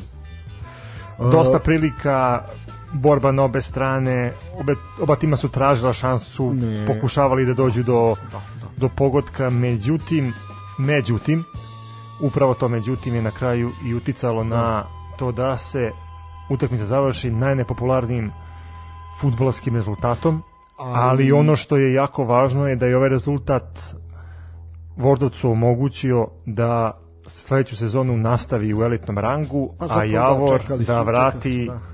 Rang niže. Da, uh, znači oba tima su stvarno želela pobedu, međutim samo ju je, Javoru je ona samo i odgovarala, Voždovcu je odgovarao i taj nerešen rezultat uz poklapanje ostalih rezultata koji su se desili. Uh, ono što je po meni svakako i ne samo meni, video sam da to se zaista potencijal taj moment kada e, se cela ekipa Voždovca okupila i prati finiš meča iz Subotice na mobilnom telefonu e, i ta radost njihova je zaista onako jedna slika koja je obišla obišla ovaj jako brzo našu državu a i šire jel pošto kažemo ovo zadnje kolo se zaista pratilo širom sveta. Uh, što se tiče ekipe Javora, njima zaista čestitke na poštenoj i fair igri tokom celog prvenstva. Na borbi od prvog do posljednjeg minuta i oni su baš bili ona specifična ekipa koja se borila od prvog minuta znači nije bilo tog odmeravanja snaga nego odmah jako i u meso i to su nekoliko puta pokazivali uh, ranim postignutim pogodcima Uh, zaista će faliti uh, Superligi Srbije mislim da oni zaslužuju da budu stalan član Superlige Srbije jer oni Pa, trebaju on ima, on Superligi- imaju dosta sezona iza sebe. Od Da. trenutka kada, kada se raspala Jugoslavija, Javor, onog trenutka kad je ušao, je bio konstantan prvo- prvoligaš sa povremenim izletima u rang niže i, od, i odmah se vraćao. Tako da a, ljudi u Ivanjici definitivno vole taj futbal i Javor je samim tim a, simbol tog kraja i tog Definitivno, grada definitivno, i ja se samo nadam da Pa nadam se eto da, da neće doći do nekih komplikacija koje će uticati na to da, da pričamo o neregu, neregularnosti cele sezone, Da, a to da- može da se desi upravo tim saopštenjima u ponedeljak, odnosno promeni ekipa, broja ekipa koje ispada Da. iz lige. E sad, ajde ovako, imamo izjavu trenera Javora Bonđulića, znači on je izjavio igramo prošte, pro, pošteno, protiv nekih stvari se jednostavno nije moglo, igrali smo kao i sve u tekstu što igramo jako pošteno, nismo uspeli ciljevima, jako mi je teško, ali protiv nekih stvari se nije moglo, zaista se videlo da im je jako teško, znači suze u očima, suze u očima igrača Javora i stručnog štaba, zaista onako, mislim imali smo suze i u, očima Predraga Rogana koji je slavio opstanak u ligi i imali smo suze ovih momaka koji zaista onako, po, po meni nisu zaslužili da ispadnu, ali dobro. Uh, jednostavno A, to je futbal. pa da, nema šta, neko mora da izgubi. A što se tiče, oni su čestitali Voždovcu i zaista to je to je jako jako lepo. Meni je najviše žao ovaj admina Twitter profila Javora, ovaj na koji zaista onako ovaj jedan jako duhovit duhovit ovaj momak i nadam se da da eto neće da taj projekat neće stati zbog ovog ovaj odlaska tačnije selidbe u niži rang. E, da, rekli smo Javor je dao Javor je dao e, saopštenje, tačnije inicijativu da se opstane da opstanu još dve ekipe u ligi, znači da ispadnu samo četiri. I odmah ekspresno je odgovorila Indija, kaže ukoliko je prvenstvo neregularno, da li su podnete krivične prijave. E, kaže, ako nakon današnjeg saznanja i pojedinih medija da pojedini klubovi e, planiraju da podnesu inicijativu o promjenu pravila funkcionisanja Superlige Srbije, odnosno ispadanje od četiri umesto šest klubova, nakon završetka ove takmičarske sezone, a na osnovu glavne teze da je bilo nepravilnosti i nepoštenja tokom iste, to je, to je stavka na koju idu Javor i Rad, znači da će Me- meni je ovo jako nelogično. Znači, cijele sezone se pričalo o nameštanju i sad ćete vi na tezu a mislim vi ste optuženi za nameštanje gospodo iz fudbalskog kluba Rad e, vi ćete sad na tezu nameštanja i neregularnosti da opstanete u ligi a vi ste glavni osumnjičeni za to šta da vam damo još jednu šansu da ono, imamo u, to raditi ukradeš i kažeš držte lopova. Pa da, i onda kao ime pusti da vidiš da li će još jedan put ukrasti, pa ono onda me kazni. Mislim, jo, ovo je suludo. Ali aj dobro. E, kaže, futbolskoj javnosti postavljamo sledeće pitanje. Da li postoje dokazi o neregularnosti tako, te- tekuće takmičarske sezone? Postoje. Ukoliko postoje, da li su podnete krivične prijave tim podom? Nisu. Ukoliko ne postoje, na čemu se sad zasnivaju navedene tvrdnje? E, FK Indija se nikada do sada nije našao ni jednom dokumentu niti novinarskom članku kao futbolski klub koji se bavio nepoštenim radnjama, ovo je istina, i ni jedna utakmica nije označena kao sumnjiva. I ovo je istina, niti povučena iz kladionica. I ovo je istina. Od prve do poslednje utakmice pošteno smo se borili za opstanak u takmičenju zagledane isključivo u svoje dvorište. Isto bi, e, isto bi ostalo i nakon završetka ove sezone da se pojedini klubovi nisu oglasili dan, današnjem najmanju ruku nejasnim saopštenjima za javnost. Ove godine Indija je pobedila sve direktne protivnike, to je istina, i to je istina, uzeli su svima bodove koji su bili direktni konkurenti za ispadanje Superlige i Indija je jedini predstavnik Srema u Superligi, dobro, ajde i kada su okolnosti normalne stadion bude ispunjen gotovo do posljednjeg mesta, smatram da Indija svojim učešćem doprinosi kvalitetu fudbala u svakom segmentu e, te igre, od poštenog i borbenog fudbala do fair i korektnog navijanja. Ja bih se s ovim složio, znači ovo je apsolutno na mestu i mislim da ako ćemo već tako, ako ćemo pustiti Javor i Rad da ostanu, pa onda pustite da ostane Indija, pustite da ostane i Zlatibor, pa nek imamo 26 timova u ligi, pa možemo i tako igrati. Mislim da, sad, to je sad ono naš koje dete više voliš. Mislim, zna se čije, čije dete se, čiji sin se najviše voli, ali... Jedinac. Osam. Da, prvenac, prvenac, prvenac, prvenac, prvenac, pardon, pardon, prvenac, pravo da- Neću, neću, Moj da se ogrešiš po tom pitanju. neću, zastao sam na vreme. Da, dobro si. Uh, ajmo, možemo kratko, uh, što se tiče što se tiče uh, Vojvodine i Proletera, da tu utakmicu smo propustili. Izvinjavamo se našem dragom klubu Proleteru. Ovaj, I Vojvodini između ostalog. A i Vojvodini između ostalog. Lalatović nije bio na klupi. To je ono što je što je bitno za reći. Znači, eto, oprostio se kolo ranije. Uh, što se tiče Proletera, pobedili su 2-0. Fića Knežević je ponovo bio strelac, Mirosavljev je takođe ponovo Ali bio reci strelac. kakav centar šut. Ne, ne, šta bez, bez reči, apsolutno, apsolutno. Kao da je na, na malom terenu.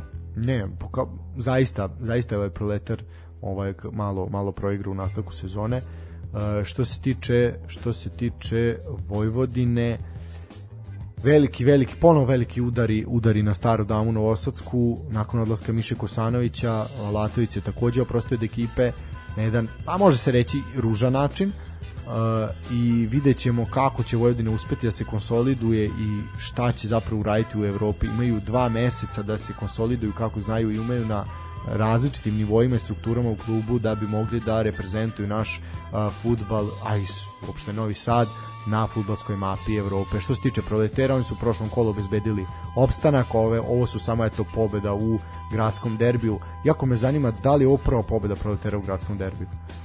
A, jeste. Čestitke Čestitke Proleteru. Da, je viš. Prethodni je dobila Vojvodina sa 2-0, pa i na pre, u kupu je takođe bilo 2-0 za Vojvodinu, pa je dobila 1-0. Znači, čak Proletar nije dao ni gol u posljednjih pet utakmica Vojvodine. Znači, zaista... I onda su dali dva. Jedno su dali dva, da. Da, eto, zanimljivo, zanimljivo. Uh, to bi bilo to što se tiče proletera i Vojvodine. To bi bilo to, dragi moji, što se tiče analiziranja uh, našeg futbala, makar Naše Superlige. naše Superlige, makar u ovom delu. E sada, e, da li želimo na kratku pauzu pa da pričamo o utiscima mogli sezone? pauzu. Može, ajde na kratku pauzu pa ćemo pričati o utiscima koji su obeležili ovu sezonu. One, two, get down.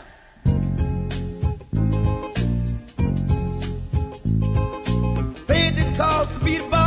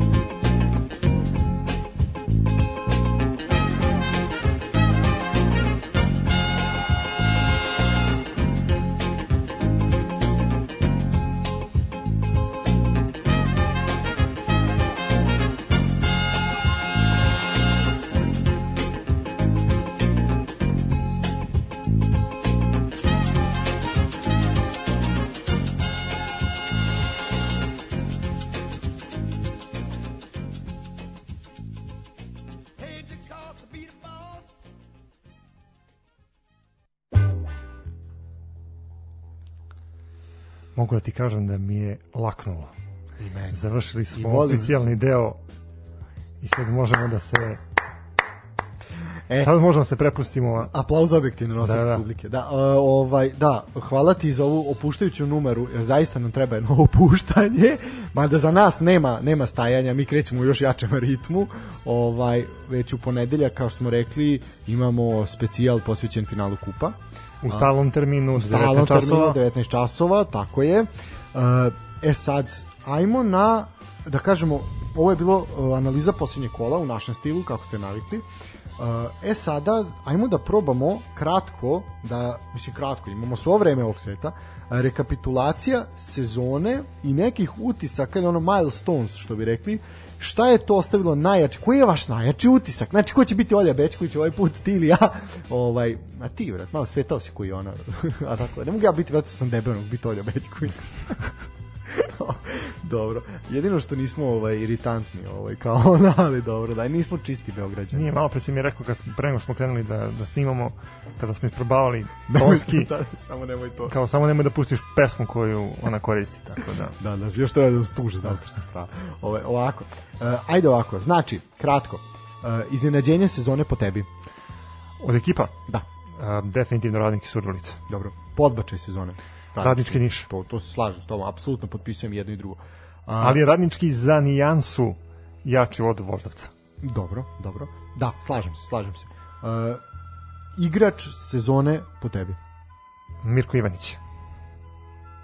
Dobro. Dao je gol u derbiju, nosio je zvezdu u bitnim utakmicama, u nekim momentima kada se lomila uh, kada se lomi rezultat na terenu je pokazao da je lider ekipe definitivno mislim da će on biti proglašen za, za igrača sezone. E, što se tiče najvećeg... E, Da, na, najbolji strelac Milan Najbolji strelac David Mila Makarić, ja bih njega, eto, pošto ti rekao Ivanić. Pa znaš kako da sad ja, ja gledam Radnik je definitivno napravio najveći korak od svih ekipa. Da. Mi smo očekivali da, da, da će Zvezda biti u vrhu, da će se boriti za, šampionski, za šampionsku titulu, da će igrati jednu od grupnih faza ili Lige Evrope ili šam, Lige šampiona, ali niko od radnika nije očekivao da, da će završiti na tom mestu na kom je završio. Da. E, svakako težak zadatak za, za ljude iz uh, Futbolskog saveza i za ljude iz zajednice Superligaša, kome dodeliti priznanje za najboljeg igrača, ali po svemu sudeći mislim da definitivno da, ide neko iz Zvezde, da, da, da. zato što je Zvezda stvarno pobarala sve rekorde koje je mogla da, da dobori, pritom imali su jako dobru sezonu u Evropi. Eto, samo to, to je Ja, ne, to jasno. je tas koji je prevagnuo u odnosu na, na, A- na radnik. Ako bi se- samo gledali našu ligu, pa ne znam, tu, tu mogu i Asano Može, da se, da može. se I ovaj, Lukić, i Lukić, da, da, da, da, recimo, da, da. uđu u kombinaciju, ali mislim da definitivno igrač sezone će biti Mirko Ivanić. Barem ja tako prognoziram. Ja, ja se slažem sa tobom, ali eto čisto ajde da ne bude da se stalno slažemo da imam eto ja jedan različiti odgovor, ja ću istaći mislim da onako mi smo nekako najponosniji na Milana Makrća za to što je uradio ove sezone i Znate kako, ako bi sportski ako bi sportski pozad dodelio nagradu igrač sezone, to bi bio Milan Makrć. Eto, do- dodelit ćemo. Da, eto, eto, mi čestitamo Milane, mi ti, mi ti dodeljujemo nagradu. Znači, najbolji igrač što se tiče sportskog pozdrava definitivno Milan Makarić. E sad, jedno jako, jako teško pitanje. Ko je po tebi najbolji trener ove sezone? Dejan Stanković. Zašto? Zbog niza pobjeda, zbog... um, mislim da će Dejan Stanković definitivno dobiti titulu najboljeg trenera. Dobro, ja bih rekao, ja bih rekao Slavljiv Đorđević. Po meni ovo što je uh, čak ajde recimo da se dvomi između Slavljuba Đorđevića i i trenera trenera Čukaričkog. Uh, To je Simo Krunić, tako? ne, ne, nije, Nije, nije, Simo Krunić, nego ti je Dušan Đorđević. Dušan Đorđević, da, da, Da, da. da, da, Simo- Dušan da. Đorđević je za uh, procentualno najuspešniji trener Čukaričkog, znači sa najvećim ovaj procentom osvojenih bodova. I eto, dvomiju se između njega ili ili ovaj ili Slavoljuba Đorđevića, definitivno jedan Đorđević je ovaj da uh, tako da eto to, to bi to bi recimo ako kažem ako bi sportski pozdrav jednog dana kao redakcija delio nagrade Dobro, pazi, mi ćemo delio. nekako napraviti nešto simbolično i da, eto, možda ne možemo set guma da damo makar ne novih ali ovaj ali možemo karton piva Pa da, ili stolicu da kupimo. Pozdrav za mrvicu naše koji je gostao u prošlom putu. E, tako da, Inače Do- kad smo kod Mrvice, on sutra očekuje dan sela. da, da, Treba to kačka, preživeti. Kačka slava je sutra, koga put nanese u kać, neka malo svrati sutra u posle podnevnim večernim časima. I usporite Sigurno. malo sa saobraćajem, znamo da, Ah, da, da će biti saobraćajaca na putu. da, tako je, tako je. Ovaj, da, definitivno pretendujemo ono da zamenimo ovog Alvirovića na RTS-u ako, ako nastavimo. E sad, Pa pazi, nismo ništa pogrešili što on ne bi rekao. Čak Tako. smo i zanimljiviji od njega, ako ćemo iskreno. Aha, aha, vidi sad kako smo rekli. Dobro. E sad, što se tiče utisaka sezone, ajmo redom. Znači, sad ćemo biti Olja Bečković, ovaj ne prekidat ćemo jedan drugo, ko što je ona prekida svoje goste, pogotovo kad se pomene Ultrakop, ali dobro ovako, što se tiče, znači Zvezdina dominacija, to smo rekli, tu smo apsol, temu apsolvirali, to je definitivno utisak pod uh, rednim brojem 1. E, utisak pod rednim brojem 2, uh, to je Stanović u Partizanu. Stanović drugi put među, među grobarima. Uh, Kako ga zovu? Lord, ne, da, Lord od Šamroka. da, da, da, da, da, Ser Šamrka. Da, Ser, da, da, da, dobro, da, okej. Da, mislim, fazon je onako, ajde, diskutabilan. Uh, ovako, Samo Milošević je definitivno doneo Partizanu jedan atraktivan stil igre. Uh, ali su izostajali kontinuirani rezultati. Prosipali su se bodovi.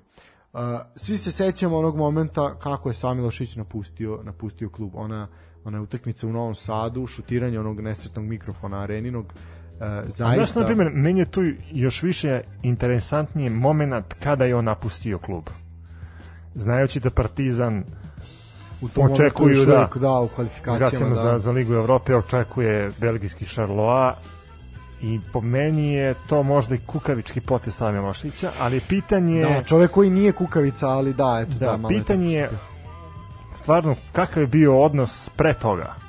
Da li su možda ljudi iz uprave kluba hteli da se reše Miloševića pre sezone, pa je na kraju došlo do ne, neke, da kažem, propasti prilikom uh, pregovora sa drugim trenerima i onda je Savo počeo te kvalifikacije, počeo prvenstvo, eto, mi ga pamtimo po tom šutiranju mikrofona u Novom da, Sadu. nažalost će ostati da upomljen po tome. Dobar volej, moram da priznam. Ne, pa vidi, kao, kao, Ne, kao u najboljim danima, Kao u da. najboljim danima u periodu iz Aston Villa, otprilike.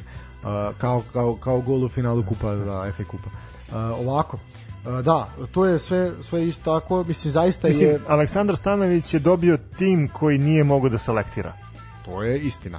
I zaista je onako, ali ne samo što je on nasledio tim, nego je uh, nasledio jedan zahtev od navijača, znači koji su bili oduševljeni atraktivnim futbalom i napadačkim futbalom koji je igrao Savo Milošić, koji je podsjetio na Partizan, na Partizan kakav sam ja, na primer, gledao kao malo dete kad sam počinjao da gledam fudbal, ja sam gledao tako taj, taj Partizan s početka 2000 godina koji je igrao tako atraktivan napadački fudbal.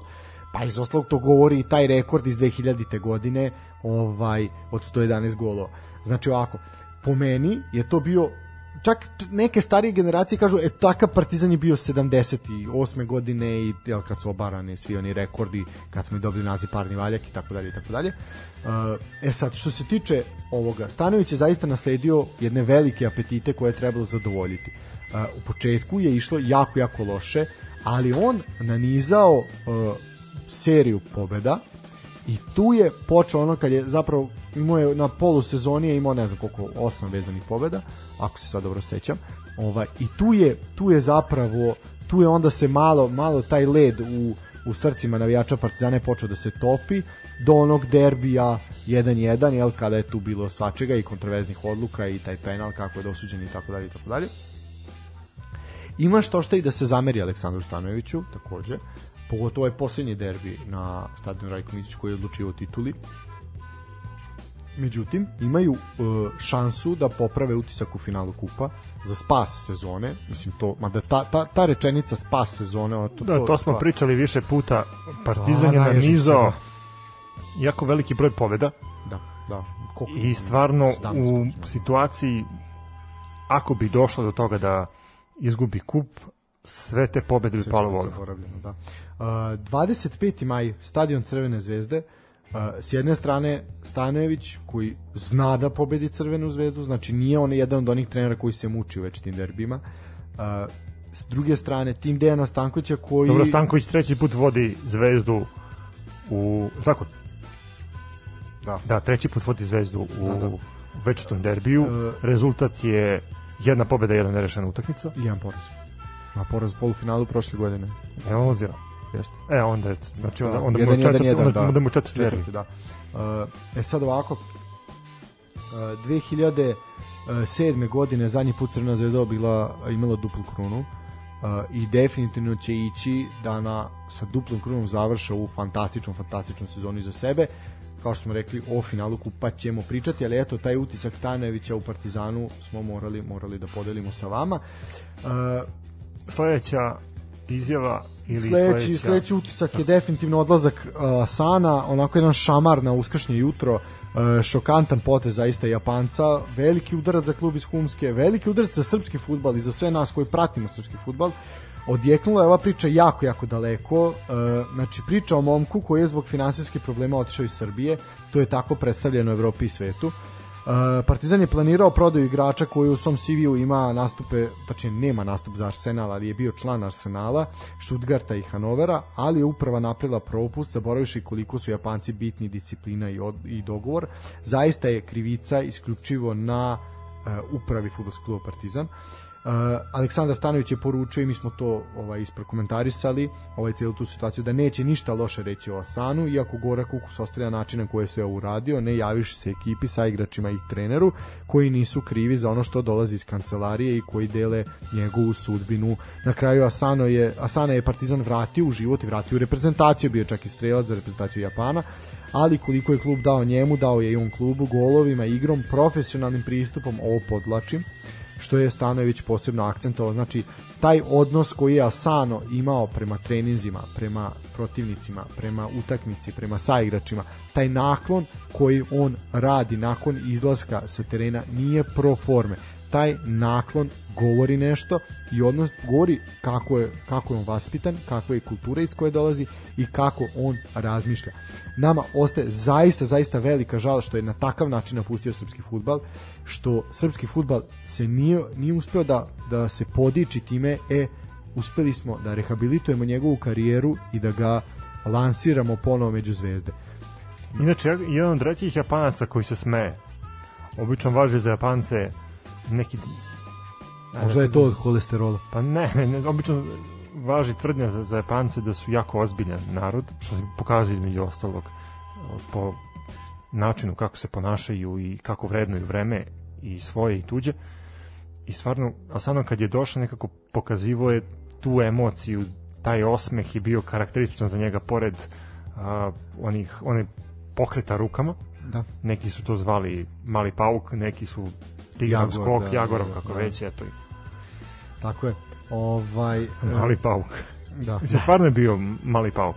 Ne, bio je od onog momenta kad je debitovao ovaj, u Partizanu, zaista se pokazalo da se radi jednom izuzetno, izuzetno kvalitetnom igraču i kažem prava, prava šteta i onako, bit će to gorak, gorak ukus a, gorak ukus ustima, ustima navijača Partizana, ali eto, ostaje šansa da se tim trofejim kupa makar malo taj, taj isper usta ovaj, ali nadam se, nadam se da, da neće ispirati usta nečim drugim, pošto ako se ne uzme kup, onda zna se šta će biti. Uh, što se tiče Partizana, uh, ovako, uh, Partizan će početi kvalifikacije za Ligu konferencije u drugoj rundi kao nosilac i sada sve znaju potencijalni rivali, a to su Sutjeska, Valerenga, Haken, Elsbrog i Lokomotiva Plovdiv. sve lepše od lepšeg. ovaj, Da, pogotovo te te ovaj skandinavske skandinavske ekipe, ma da ja imam neki bugarske, osjećaj- Partizan se nije baš nešto dobro se provodio, sa bugarskim ekipama. Ali imam osjećaj neki da ćemo ovaj da će Partizani ponovo vidjeti Sutjesku. ovaj da će Da će se ići u Nikšića. aha, da. Da, da.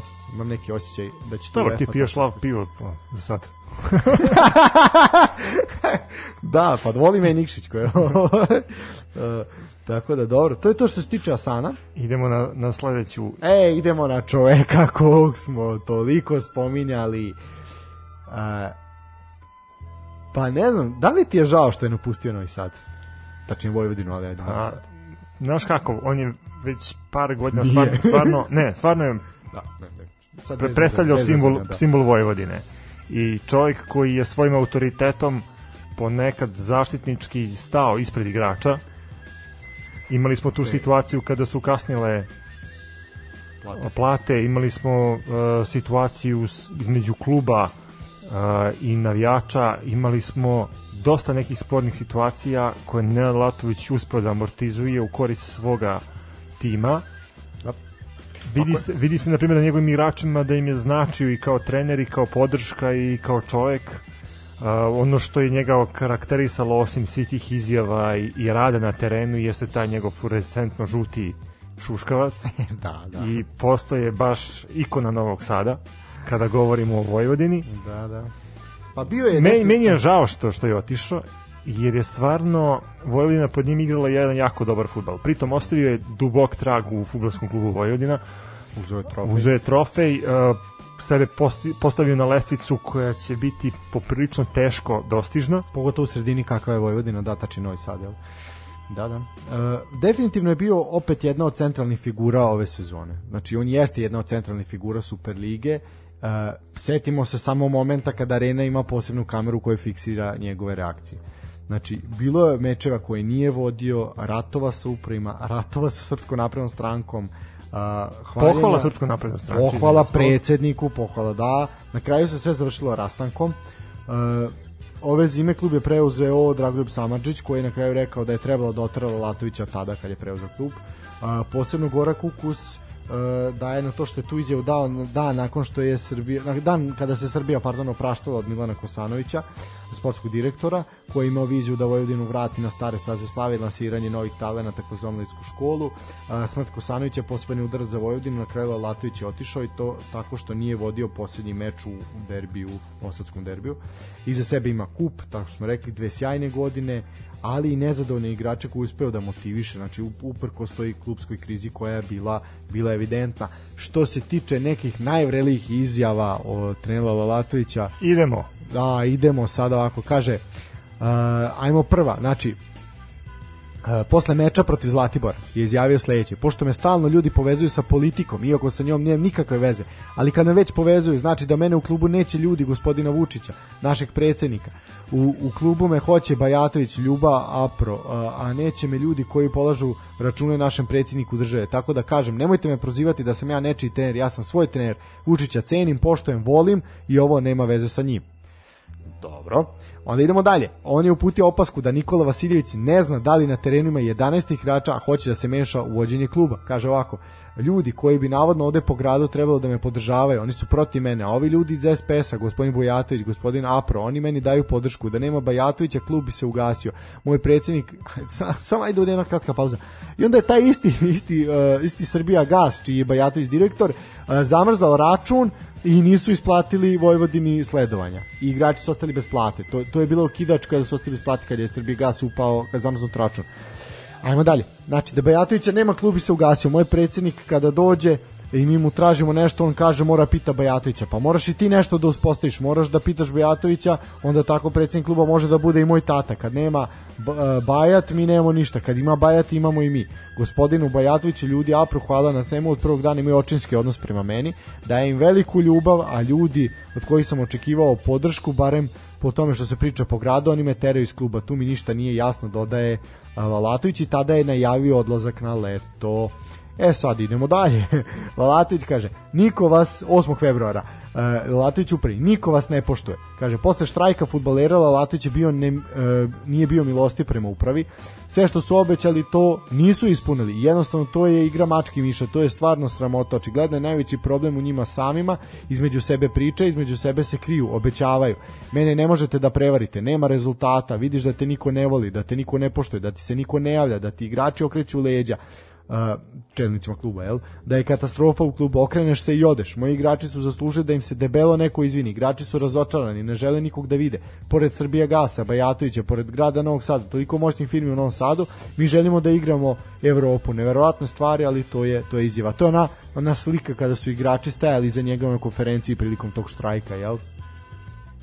Pa kaže imamo performans i prljavi dres na konferenciji. Mislim, to je 5. decembar na prvom bio. Posle meča sa Mačom, Lalatić je poveo celu ekipu na konferenciju jer se svima uh, dugovao, dugo dugovao novac. Pozvao je i Vučića da se pozabavi situacijom. To je jedna od mnogih spominjanja predsjednika njegovim izjavama. Kaže, jedan prljavi dres završio na stolu. Kaže ovako, ovi igrači su ponos kluba, svi treba se ugledati na njih. Puštaju krv za ovaj grb. Želim da, se, da im se svima zahvalim. Želim da im kažem da sam preponosan što sam vaš trener. Želim da vam zahvalim i vašim roditeljima što su napravili ovakve junake. Vi ste heroji Novog Sada, svi oni što sede u foteljima i voze skupocene automobili, što su im frižideri puni, rado bih im ispraznio te frižidere i napunio vama zaposlenima u klubu. Uh, ljudi, ljudima koji čiste i koji će sada morati da peru ove dresove. Duguju se po tri premije, dve plate, nekima i četiri. To je sramota i o tome ne sme da se čuti. Ja se ne borim za bogate ljude, ja ih molim da daju siromašnijima. Daću sve od sebe da svaki zaposleni dobije platu i borit ću se za to do kraja, rekao je Lalatović i odbacio mogućnost da ekipa stupi u štrajk. Znači tu nije, da kažem, jel, nije bio najave tog štrajka koji se nekoliko mjeseci kasnije i desilo. E, kaže, slikali ste se sa peharom, sada platite. Bila je prilika kada je još jednom pozvao... Ili što bi rekla pesma Vadi, vadi pare. Vadi, vadi pare, da. Bila je prilika kada je još jednom prozvao čelnike i sve koji su uživali u lovorikama osvojenog kupa Srbije, ali su bežali od odgovornosti nešto kasnije. O ome ću da pričam na svakoj konferenciji dokle god moji momci ne dobiju novac, ja sa njima živim, znam o čemu smo i danas pričali, znam šta osjećaju, oni su veoma razočarani, iako znam da svuda ima problema, nama je generalni sporazum Srbija Gas, velika firma, čeo se gospodinom Bajatović, sad opet isto, ali ne može ni on sve sam, ako postoji neki problem između njih, neka sedne priča, neko se malo umeša i grade, jer su oni bili preponosni kada smo osvojili trofej kupa, to je istina. Ujedinite se, ugledajte se na to kako su nas kako su se ujedinili zaposleni u futbolskom centru u Jadin Boškov, igrači i ja mi živimo kao jedna porica, ginemo za ovaj grb. E onda ima jednu patriotsku izjavu. Ja sam Srbin, živim u velikoj Srbiji, svoju veliku, volim svoju zemlju i svoj narod, borim se za svoje momke, a ne za Albance ili za već koga. No, ne znam čemu ova prozivka. borim se za Srbe i za srpske porodice da biju ono što im pripada. U FCU Jadin Boško ima stotine srpskih porodica kojima se, ne, kojima se duguju plate, a klub vodi oko kluba su moćni ljudi. Bitno im bilo da se slikaju kad smo osvojili trofej, e pa sada lepo isplatite ono što se duguje sve samo bile baš dosta izjava. Da, imaš jedno za Lazetića i to je to. Ovaj, Ajde, ajde, da, puštam te. puštam da, pa mislim, on ostao sam bez daha. Morat ćemo ići na pauzu nakon ovoga. Ovaj, kaže ovako, u novembru 2020. velikom, velikom intervju za portal Nova S, Lalatić je objasnio kako je došlo do raskula sa Nikolom Lazetićem, to ono što smo najavili, koji je bio sportski direktor. Kaže ovako, a, Laza više nije u klubu, ovaj, iako mi je jako žao zbog zbog, zbog toga što moram da kažem Laza je moj drugar, neko koga sam ja jako voleo i poštao Lazu sam prihvatio kada je došao ovde sa Kosova, nije imao nikoga, prihvatio sam ga kao rođenog brata. Situacija je bila takva da je njemu ovo bio prvi posao. Rekao sam Lazo, ja ću tebi pomoći, nemoj da budeš sujetan i da tražiš da te poštuju kao mene jer treba ti vreme. On je mislio da kao sportski direktor preko noći nešto uradi, da se postavi kao veliki autoritet. Laza ima autoritet, ali sa mnom je drugar, ne treba meni da pokazuješ autoritet. Mogu je da dođe na teren obučen u civilu, uvažavao sam ga, prekinem trenera ga pozdravim i da mu dam na važnosti, ali u jednom trenutku došao je do toga da mi kaže zašto ti ne igra ovaj, zašto ti ne igra ovaj, ostavi ovog. Rekao sam mu Lazo nemoj da me ljutiš, nemoj da se ljutiš na mene, ja, ja to ne dozvoljavam. Sad si mi to rekao i nećemo da se svađam. Ja dok sam tu ne zanima me da li mu je menadžer ovaj ili onaj, šta si ti nekome obećao, to je tvoja stvar. A, ovo je zapravo, sad već napred kratku pauzu, ovo je zapravo istina i ovo pratila Latovića zbog ovoga je dobio otkaz u Crvenoj zvezdi, jer upravo nije, nije se ovaj... Nije hteo da gura menadžer. Naravno, i nije da hteo da po sluša preporuci. Tako je. Nije hteo da sluša ono što se što se ovaj što se od njega traži, al ko mora da igra, ko ne mora. Kaže, onda su me zvali neki menadžer, rekao sam sad, sad si me zvao moj broj nikad više, zove ono ko ti je to obećao. Onda mi je Laza malo zamerio, došlo je do suglasica i nisam dozvolio da se meša u tim. Išlo je toliko toliko da sretnemo oca nekog, kao jao, bilo bi dobro da igra ova i tako. I posle je opisao dijalog sa Lazetićem, Uh, I onda kažem Lazo, zašto to radiš? Ti si moj prijatelj, brat, sve ćemo se dogovoriti, ali ovom trenutku ne zaslužuju da igraju, ne mogu protiv sebe. Onda je na sve moguće na načine pokušavao da me smeni, hteo da dovede trenera koji će da slušaju njega i još neke ljude koji će da ga slušaju. Međutim, na kraju znamo kako se kako se to završilo, završilo se tako što je Lazetić, Lazetić napustio klub, kaže nudili su mi 200.000 evra da guram igrače, desilo se to da dođe čovjek i stavi novac za 100, gledam šta je to, ovo je za tebe, kaže unutra 200.000 evra, ovo je kaže da budeš moj trener, a šta ja da radim, kao sad sve isprim, pa kao, pa moja dva igrača moraju da igraju u tom timu i ja hoću ove da prodam i da dovedem nove, ti ih samo gure, ti si zmaj, ti si mašina ja ga gledam, vraćam kuvertu nazad, prvo treba da te bude sramota, nisam ja tvoj poltrčko, pogrešno si me pretumačio da ću da uzmem pare i da budem poltrčko, da si mi donao 2 miliona, odbio bih. Tvoji igrači će igrati ukoliko ukoliko zasluže. Mislim, stvarno sportska izjava ne, i, i sportski postupak Nenada Latovića i na ovom mu stvarno skidamo kapu. Ali ovo znamo da je istina, ovo znamo da, da on radi i zbog toga nije omiljen u nekim sredinama, ali ono što mu svakako zameramo je to, to mešanje, mešanje politike i prečesto spominjanje Aleksandra Vučića, ali ja mislim da Lalatović je svestan da u, kada spomene, da to ima težinu kada se spomene njegovo ime, mislim na predsjednika, jer onda malo se vuče strah strah njegovim njegovim ovaj onim ljudima koji su koji zavise ili negde zazvoni pa sad ko, ko pa da, ali, ali svakako zazvoni, zazvoni strah u njihovim glavama da kažu, e pa, znaš kao, mi zavisimo njega, ne bi bilo dobro da ga ljutimo, a izgleda da, da voli Lalatovića. E, to je, to je svakako ono što je... Sve u svemu, Nenad Lalatović će promeniti sredinu. Vidjet ćemo da li će ostati u Superligi, postoje priče da hoće, uh, i definitivno mislim da će Superliga biti oslabljena bez Lalatovića, u svakom smislu. To definitivno. Ništa, eto, mogli bi na, na jednu pauzu i da se ti malo odmoriš i da, da se vratiš, napuniš baterije. Može.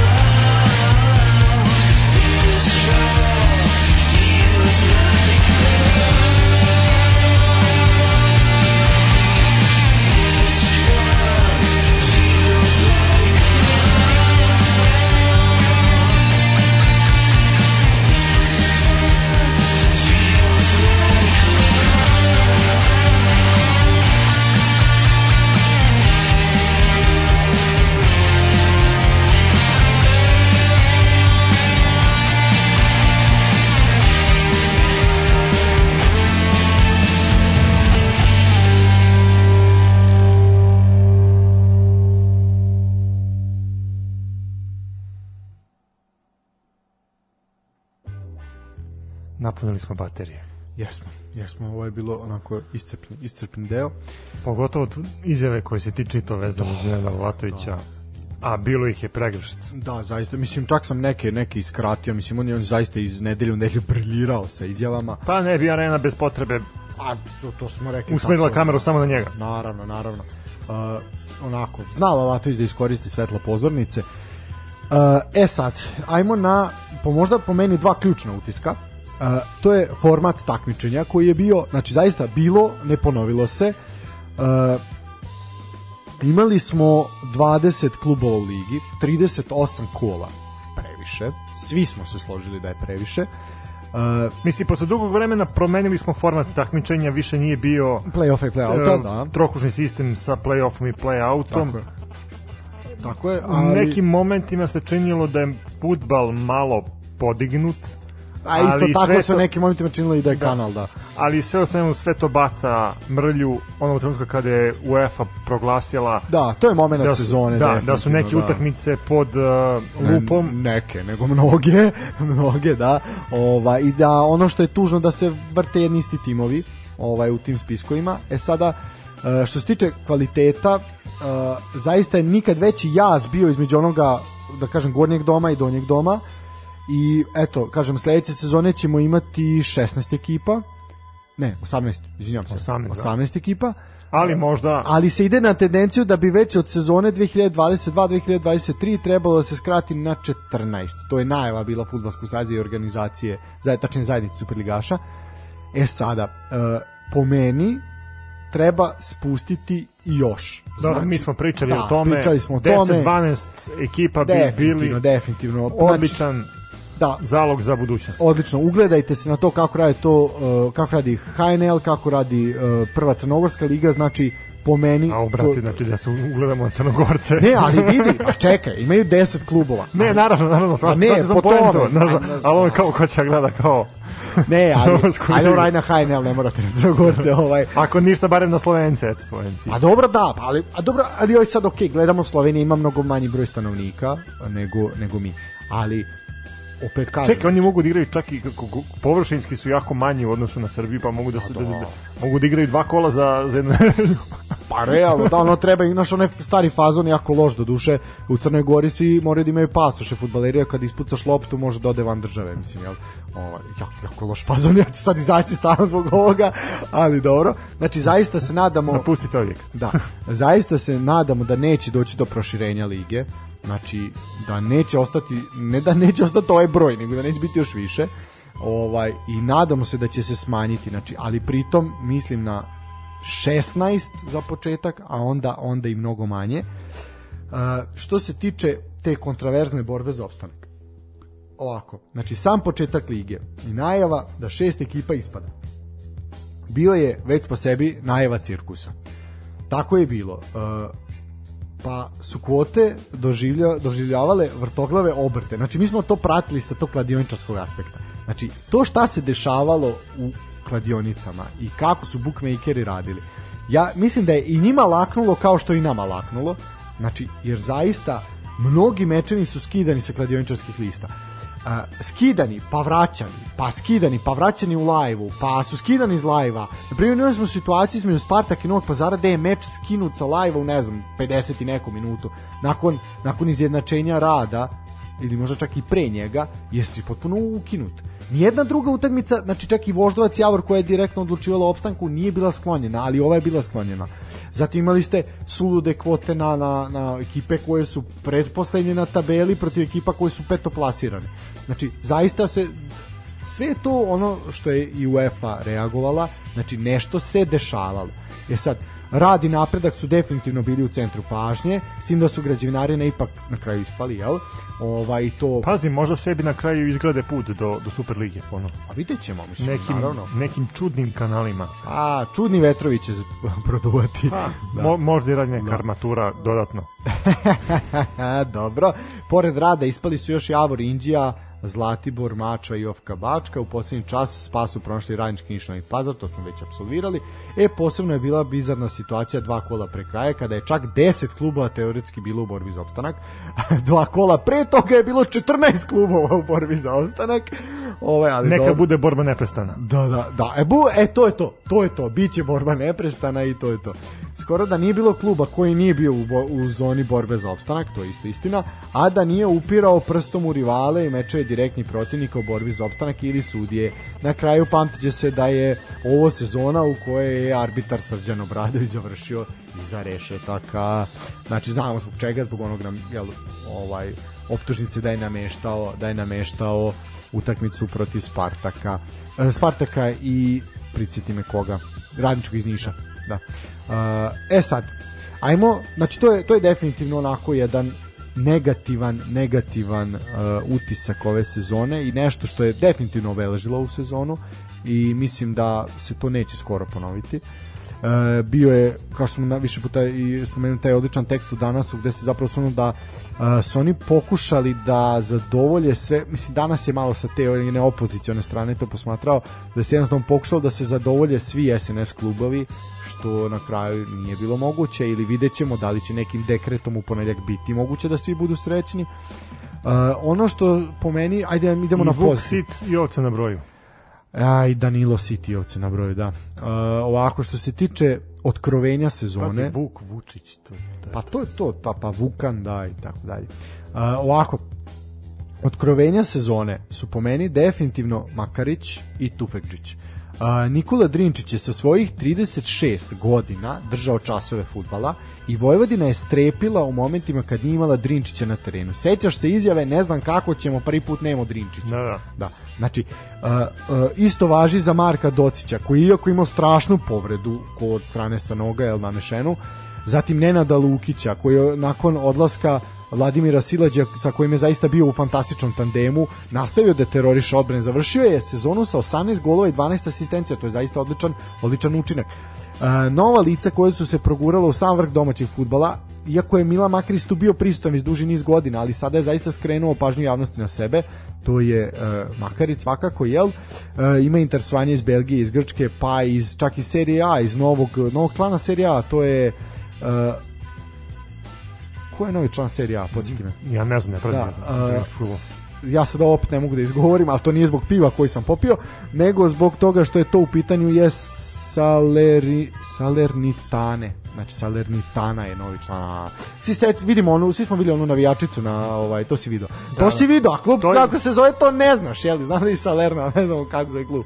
Bitno da si video prsatu navijačicu. A dobro, si pazi, ja, ja sam fotograf, ja moram da vidim A fotografiju. pa taj detalj ti je onako baš upao u oči, jel te dve? A jeste, ima dosta detalja. što na šalu, što na njoj. Po- na njoj pogotovo. Bilo bi bolje da je jedan detalj manje, na primjer ta majica, a dobro, ne, sad veze u tom da ćemo završiti.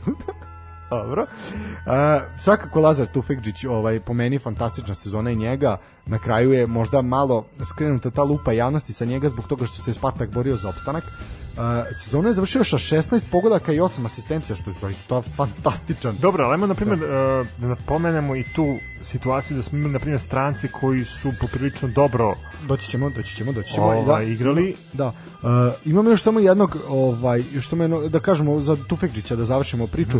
Znači, uh, postoje, uh, pominju se Galatasaraj, o tome smo pričali sa Tozom, uh, zatim Kluž, Union Berlin, Udineze i Hetafe, procenjuje se njegova cena na milion i 800 hiljada eura, što je zaista zaista ovaj onako jedan od uh, pa, pa najvrednijih igrača u našoj ligi i, i u Ali posled- pazi, na primjer, ako bi radnik Dobro.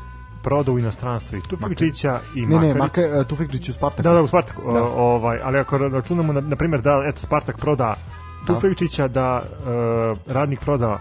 Makarića, Bruto društveni proizvod. pa ti klubovi bi bili jaki za milion, milion i pol. Sigurno, sigurno, sigurno, sigurno. Vidi, klub kao što je radnik iz Surdulice sa milion eura može da živi dve godine. Znači oni nemaju takve troškove kao što imaju Zvezda i Partizan. Znači ti imaš realno milion eura koje možeš da uložiš u budućnost. A, što se tiče tog kluba milionera, ajde možemo malo da pričamo malo o vrednostima koje su porasle. Znači cena Tufekčića je skočila za 160%. Znači to je ozbiljan, ozbiljan rast. Čak veći nego što ima naša ekonomija i naš BDP. A predsjedniče nadmaš i Tufekđića. Ovako. A Nenad Lukić vredi milion i sedamsto, što je zasluženo. Dobro, pazi, ja znam da TSC ako bi prodao 2-3 igrača bi mogao da pređe cifru od nekih 2-2,5 miliona lagano. lagano. Ali je pitanje ko će doći na njihovo mesto. Tako je. Da. E, zatim Marko Docić koji vredi milion i 300. Zatim Miljan Vukadinović koji ima fantastičnu sezonu u Vojvodini, sebe, da. Inače, što se tiče Vojvodine, za igrača sezone je proglašen Čović. Mislim da je zasluženo. Pa tu je. To jeste. Jeste, bio je, da. Pe, mislim, Čović, Vukadinović i Seničani su meni Tu, trio da, Drinčića koji je Da, sve to držao pod konac. Da, da, da definitivno. Uh, znači Miljan Vukadinović milion 200, Dejan Zukić isto iz Vojvodine uh, milion i 200, Mirko Topić iz Vojvodine milion i 200, Siniša Saničani milion i 150, Nemanja Čović milion, Aranđa Sloković milion. Znači vidite koliki klub milionera ima Vojvodina. Znači to je ozbiljan ozbiljan zalog, znači tu može može što se inače čestitam Aranđelu Stojkoviću na 100. utakmici odigranoj za Vojvodinu. Čukaričkog, iz Čukaričkog je tu Stefan Šapica, milion i 200, Milutin Vidosavljević koji ispred njega je fantastična karijera koji vredi već sada milion. I na kraju je taj, taj pomenuti Makarica milion, milion eura. Zaista, uh, ovo sad nakon ove, ovog skandala sa nameštanjima svega, ovo je onako neko svetlo na kraju tunela. Znači, ipak da, ima nešto što da, može da, da, nas neka, izvuče. neka pozitivna strana Da. svega toga da neki igrači su uspeli tokom cele sezone da nagrade svoje partije i nadamo se da će uspeti da se što bolje prodaju u neki od inostranih klubova. I da će naši klubi što više zaraditi. Pa da. Da. E sad, što je još jedan utisak e, koji smo mi provlačili onako baš dosta, a to je pa novi večiti duel e, Bojović i Vasa Kaluđerović. E, što se Imali tiče... smo, znači, pratili ispod beta dve trke. Jedna trka je bila za najboljeg strelaca Koja? u istoriji Super Lige, a druga je bila za najboljeg strelaca tekuće sezone. I E, ovako- mogu da kažem da je iz kola u kol bilo sve interesantnije i Tako zanimljivije. je, tako je. E, na kraju, znači kad se sad o, ovog momenta podvuče crta, pogodkom protiv Partizana, e, znači 34-godišnji Bojević je pretekao Andriju Kaluđerovića i trenutno ima 80 golova, dok je Kaluđerović na 79. Delom je i sam krivac, mislim to smo već spomenuli, što je promašio penal. Uh, oni će sad pitanje je da li će Kaluđerović ostati u Superligi ili neće, to ćemo videti. Da li će on napustiti rad ili neće napustiti, da li će uopšte rad napustiti Superligu i to ćemo videti. Uh, što se tiče to ćemo svakako pratiti, jeli naravno sezone Bojević će i naredne sezone imati šansu da poveća svoj kulgetarski učinak. Što se tiče uh, ostalih veterana Superlige, spomenuli smo svakako Drinčića, uh, koji će najvjerojatnije napustiti Vojvodinu na kraju sezone, verovatno će poći put Beograda. Uh, i Gde ga Banjice, vidiš? Banjice, definitivno na Banjici. Uh, što se tiče uh, ostalih veterana, pored Drinčića, tu je Janko Tubasević koji je imao zaista... On ima bitnu- 35, je tako? On je 85. Da, Ili 36 uh, koliko 295 nastupa u našoj ligi. To je fantastična brojka. Za bivšeg futbalera Vojvodine. Bivši futbaler Vojvodine, bivši futbaler Spartaka, sada TSC-a, a slede ga Vladimir Radivojević iz mladosti sa 283, Predrag Pavlović, sećamo se svi Predraga Pavlovića, nekadašnjeg mla- mlade nade Partizana, ovaj posle bio u Novom Pazaru i tako dalje, 281. A, pored veterana, tu su i oni bonus igrači. Toliko da, to- smo to je jako pričali o tome, da. A, brojni momci su dobili šansu, znači brojni momci mlađi od 21 godine su dobili šansu, na, međutim, evidentno je ako podučemo crtu da mnogi od njih nisu bili spremni za Superligu. Tu se slažem sa tobom i delim potpuno tvoje mišljenje. Da.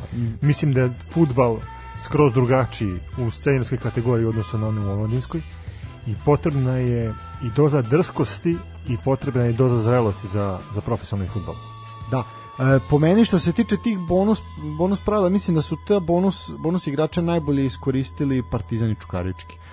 E, svi ostali, mada čak i oni su već ono čekali 46 minut da ih izmene. Tako da to je, mislim to tome smo zaista taj taj potez je onako, onako ružan i zato i nadam se neće biti više prava pet izmena ako ostanu po pravila bonus igrača. E, imamo jednu malu zanimljivost, a to je da su nekoliko četvorica igrača od 16 godina, znači 16-godišnjaci su dobili šansu da debituju u Superligi, što je zaista onako lepo. U pitanju su Đorđe Gordić iz mladosti, koji je debitao u posljednjem kolu protiv Partizana, Uroš Kabić iz Vojvodine, on je pet utakmica čak odigrao, Luka Laban, ali ne Luka Laban ovaj, koji Iz profesionalca. profesionalca, nego iz napretka, zatim Zvezdin Marko Lazetić koji je 2004. godište, debitovao Ilija Spasić u Radničkom iz Niša, Luka Pavlović iz Spartaka, Semir Ralić iz Novog Pazara, Mihajlo Spasojević iz Čukaričkog, Ognjen Luković iz Metalca i Samet Baždar u Partizanu kao najmlađi. A, uglavnom su sve ovo ofanzivni igrači, mahom napadači, projekti da klubovima u narednom periodu donesu ozbiljnu zaradu, a i nadamo se uspehe. Pa nadamo se uspesima ovih mladih futbalera prvo u njihovim klubovima, a onda i nekim od uh, juniorskih kategorija Reprezentacija, pa i ostalih, da, starijih, starijih. Pratit ćemo ih svakako. Definitivno da, pojavili su se sad na mapi, sad Oni vidimo su definitivno zalog za budućnost. Tako i je, tako je. od- na njih treba stvarno obratiti pažnju. I nadamo se da neće previše rano otići, u otići u inostranstvo. E, to, toga se uvek nadamo. Da, međutim znamo da tu je potraga za izazovima, za finansijskom sigurnošću i nekad, u većini slučaja to ne prođe najbolje, a Superligaši umeju da posluže kao trambolina i da vrate pojedince u futbolsku orbitu, znači da rehabilituju njihovu karijeru i mislim da je najbolji primjer, primjerak ove sezone Đorđe Jovanović.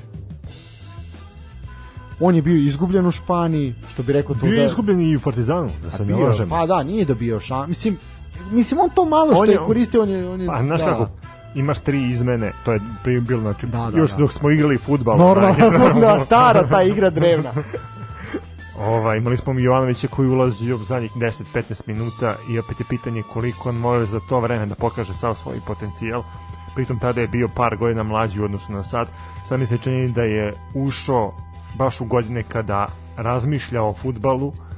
To ono što pričam, znači čovjek treba da bude mentalno spreman, Tako je, da tako ima je zreo, da. da ima zrelost za, za igranje tog profesionalnog futbala. Uh, Jovanović je ovu sezonu krunisao stvarno dobrim partijama. Devet golova u Čukaričkom. 9 golova i eto, ja vidim njega kao možda čak i ozbiljnog uh, pretendenta na prvo mesto liste strelaca naredne sezone. Da, svakako, ako ostane u Čukaričkom. E sad, e, takođe rehabilitaciju na Banovom brdu su potražili Danilo Pantić i Srđan Mijailović. U TSC-u je to Marko Petković koji je čak dočekao poziv za reprezentaciju. E, u napretku tu Luka Milunović, u Lučanima Saša Jovanović koji je zaista pokazao kvalitet ovaj, u bitnim utakmicama.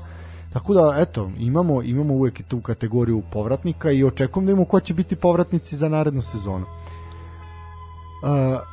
U suštini to su bili utisci uh, koji je imamo još jedan utisak, ali njega ćemo staviti van kategorije glasanja. Koji je tvoj najjači utisak ove sezone? Pa definitivno ovo vezano za nameštanje. Definitivno, da, mislim da je to pojelo, pojelo celu sezonu zapravo. Ta borba za opstanak i ta, ta priča o A nameštanju. mislim da su i mnogi kritičari ovog našeg futbala to dočekali Da, pa sa velikom euforijom da konačno kažu šta je njima smeta u našem futbolu. Znate, mi smo svesni toga da da naš futbal nije na nivou Liga petice ili čak nekih drugih zapadnih ili istočnih zemalja, ali to je ono što mi imamo i sa time se borimo, sa, sa time uživamo i to pratimo na onaj način na koji mislimo da je najbolji. da, kako je? Između ostalog, to je i moto za, za ovu našu emisiju i šta nas je pokren, pokrenulo da radimo. Pa to nam daje energiju zapravo. To nam daje energiju, iako je, smo u pojedinim momentima stvarno došli do toga da da je energija bila na, na skroz niskom nivou. Da. Priznaćeš da je tako? Jeste, ne, zaista, zaista ovaj, znaš kao trudiš se, radiš se, pokušaš da izvučeš nešto lepo i onda, onda oni te pokopavaju još više, ono kao da, da, neverovatno. Uh, Ali taj naš fudbal je takav kakav je i mi imamo samo takav. da. I A mi ga i volimo zbog Pa, toga. volimo ga, naravno. Samo se nadamo eto da će konačno se završiti ova agonija vezana za koronavirus i da će publika moći da se vrati na stadione, da uživa u manjim ili, ili lepim Da. ili manjim ili, ili manje lepim ovaj stvarima, ali stvarno nadamo se ozdravljenju srpskog futbala i nadamo se eto pobedi nad koronom. Da, pa mislim da ćemo tu pobedu uskoro dočekati, a što se tiče ovoga, mislim zaista je bilo lepih momenata, imala je čemu publika da uživa u dobroj borbi, na momente e, lepom futbalu, zaista, zaista fantastičnim, efikasnim golovima. Mi sad jako je teško bilo na primjer izabrati gol sezone. Znači, jako smo. Pogotovo u posljednjim kolima smo videli majstorije. Uh, tako da, što se tog dela tiče, zaista imalo je u čemu da se uživa. Hvala Areni na multiprenosima. Jako su to, moramo ih pohvaliti, jako su to profesionalno i dobro uradili. Ono te sad navijači u pozadini, ja se nadam da će se to skloniti. Pa to tim- su i na nekim utakmicama isklonili, Da. da. jednostavno shvatili su da više to nema poentu. Da, ili su smanjili da je gotovo neprimetno. Uh, hvala i B92 dvojici koja je prenosila za one koji nemaju arenu. Uh, nadam se da će se taj zvuk navijača skloniti, da će se vratiti pravi huk sa tribina i pravi aplauzi i oduševljenje. Uh, I zvižduci, naravno. Naravno, izdužduci I psovke. Pa i psovke, najpopularnije skandiranje uprava napolje, jel? Uh, ja bih iskoristio ovu priliku da se zahvalim uh, svim onima koji su pomagali da i u svojim gostovanjima upotpunili ovu emisiju uh, svih naših gostiju koji su bili znači od Mareta, Žike, Stefana, Toze kog računamo kao gost jer je više, više ga nema. To Rossi ponašao kao gost. da, da. Ovaj, znači svim onima koji su zaista koji su bili tu i koji su eto sa nama prošli kroz ovaj trnovit put ove polusezone je pomogli da izgradimo mi nas kao emisiju i pomogli nam da eto ove kovečimo, ove kovečimo ovu sezonu Superlige. Naravno, zahvaljujemo se i slušalcima koji su nam dali podršku da izdržimo u trenucima kada nam je stvarno i, opa, i opadala koncentracija i interesovanje za praćenje domaćeg futbala. Tako je, hvala svima na svim društvenim mrežama koji su delili našu delili našu emisiju, koji su uh, nas poredili, što je nama izuzetna čast, ono što je nekada SOS kanal radio u svom najboljim momentima kada je bio i što su se eto Među ostalog i televizija Beograd. e, Naravno, mislim sve ono što je što je nekada nekada bilo.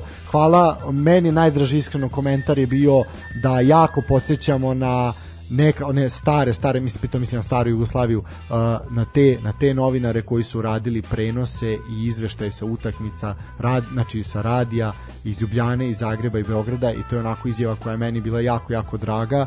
Uh, nažalost, ajde ovu emisiju ćemo uh, privesti kraju onome što je svakako obeležilo ovaj period iz, iza nas, a to su nažalost odlasci, odlasci dragih ljudi, odlasci dobrih ljudi, mnogo, mnogo, mnogo ljudi dobrih nas je napustilo u prethodnom periodu. Mi smo počeli ovu našu priču sa odlaskom Đorđeta Balaševića, uh, ali ajde što se tiče Superlige, ono što je svakako ovaj što je svakako obeležilo period je odlazak Zoltana Saba prvo, zatim i Milana Kosanovića. Zoltan Sabo je za veoma kratko vreme skup, kupio simpatije javnosti i time što je insistirao na otvorenoj napadačkoj igri, ali zbog veoma, ali veoma gospodskog ponašanja. Znači, zaista je bio odmeren, zaista je bio onako na pravom mestu uvek i sa pravim izjavama.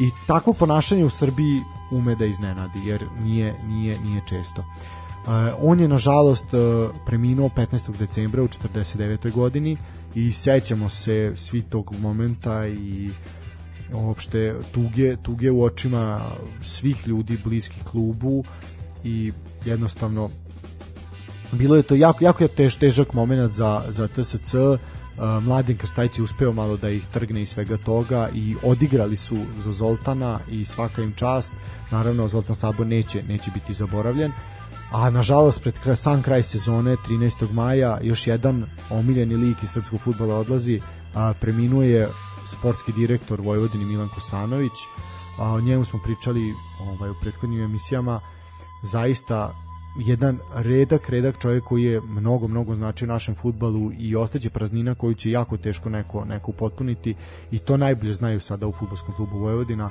Još jedan put ćemo izjaviti saučešće i prijateljima i porodici i Zoltana Sabo i Milanu Kosanoviću, svih oni koji su ih poznavali, svih oni koji su uživali da ih gledaju i da ih slušaju. Uh, nedostajećete obojica, uh, počivajte, počivajte u miru. To bi bilo to za večerašnje izdanje sportskog pozdrava. Hvala još jednom na slušanju. Do sledećeg pozdrava. Prijatno.